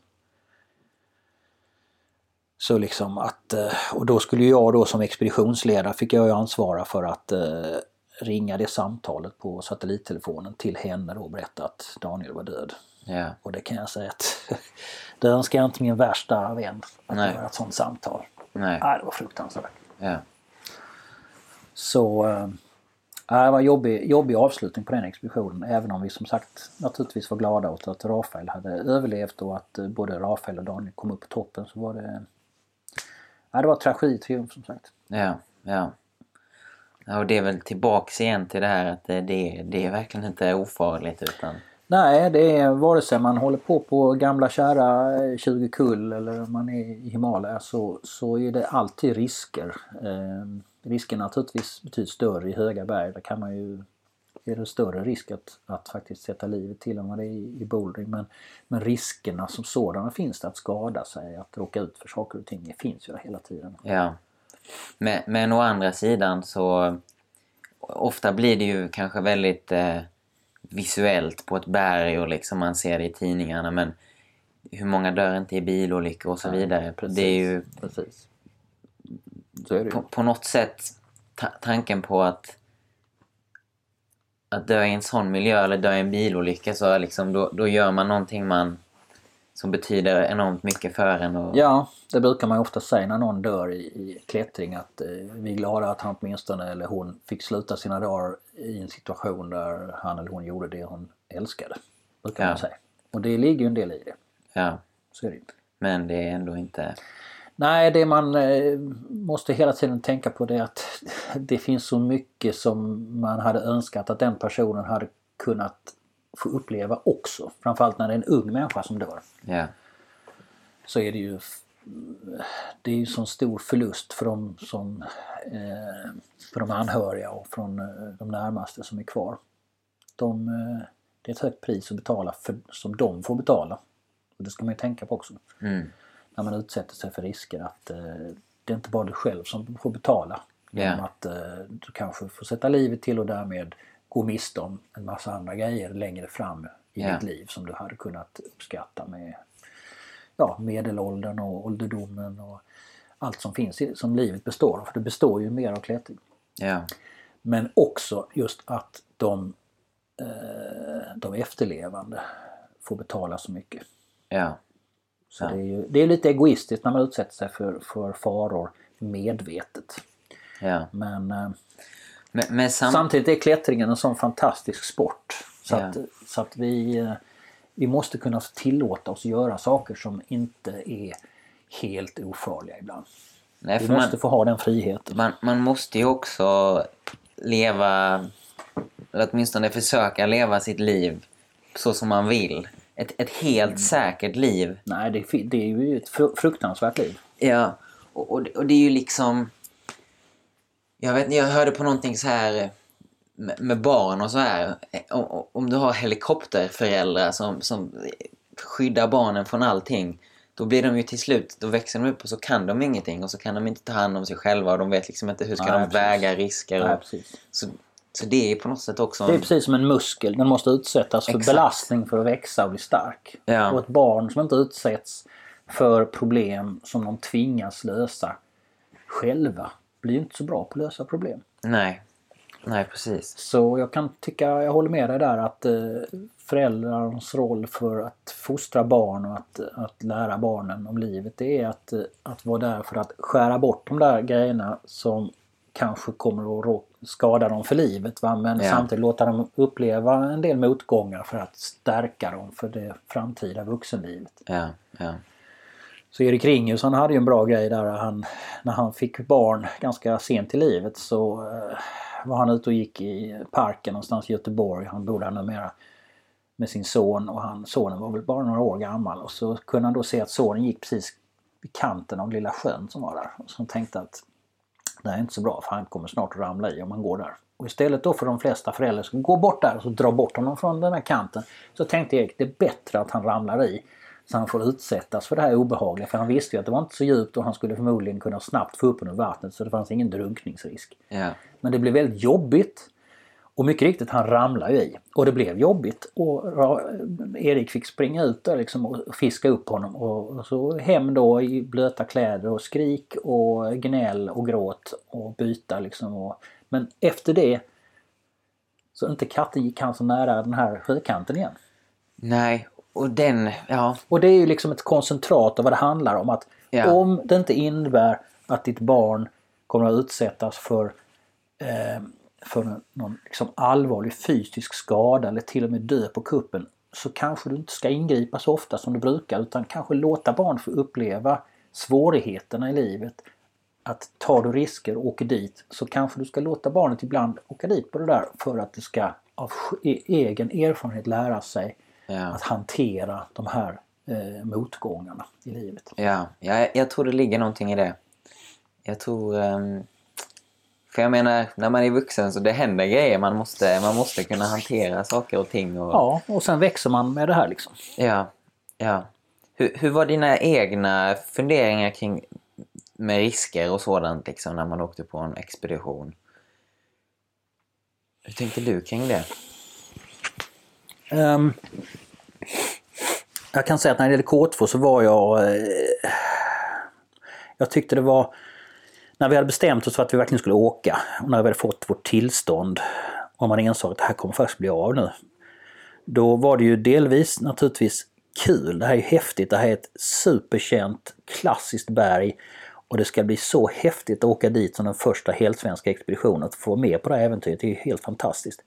Men samtidigt så var jag faktiskt eh, lite tveksam just med tanke på att det hade så dåligt rykte. Det var så många som dog, som hade dött på berget. Ja, Så jag tänkte att ingen av oss är, ja kanske, då, kanske Daniel, men resten av oss var inte jätteerfarna tyckte jag. Mm. Klart jag hade klättrat många år va? Men, men jag hade inte varit på så mycket Himalaya-berg. va. Det var ju bara Mustang Tower innan. Mm. Så jag var, jag var lite orolig faktiskt när vi skulle åka iväg. Just för att vi hade satsat på ett så pass farligt berg. Jag hade egentligen hellre kanske klättrat ett berg som hade varit mindre ökänt än K2. Mm. Men jag tror alla av oss var medvetna om riskerna.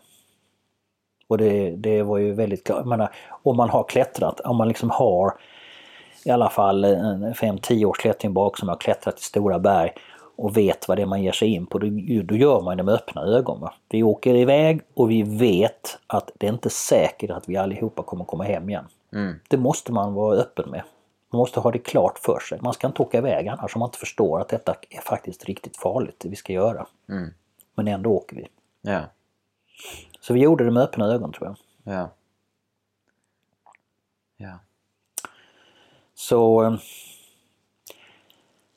Klättring är en speciell sport. Den är, har risker och den ska ha ett visst mått av risker. Annars är det inte kul.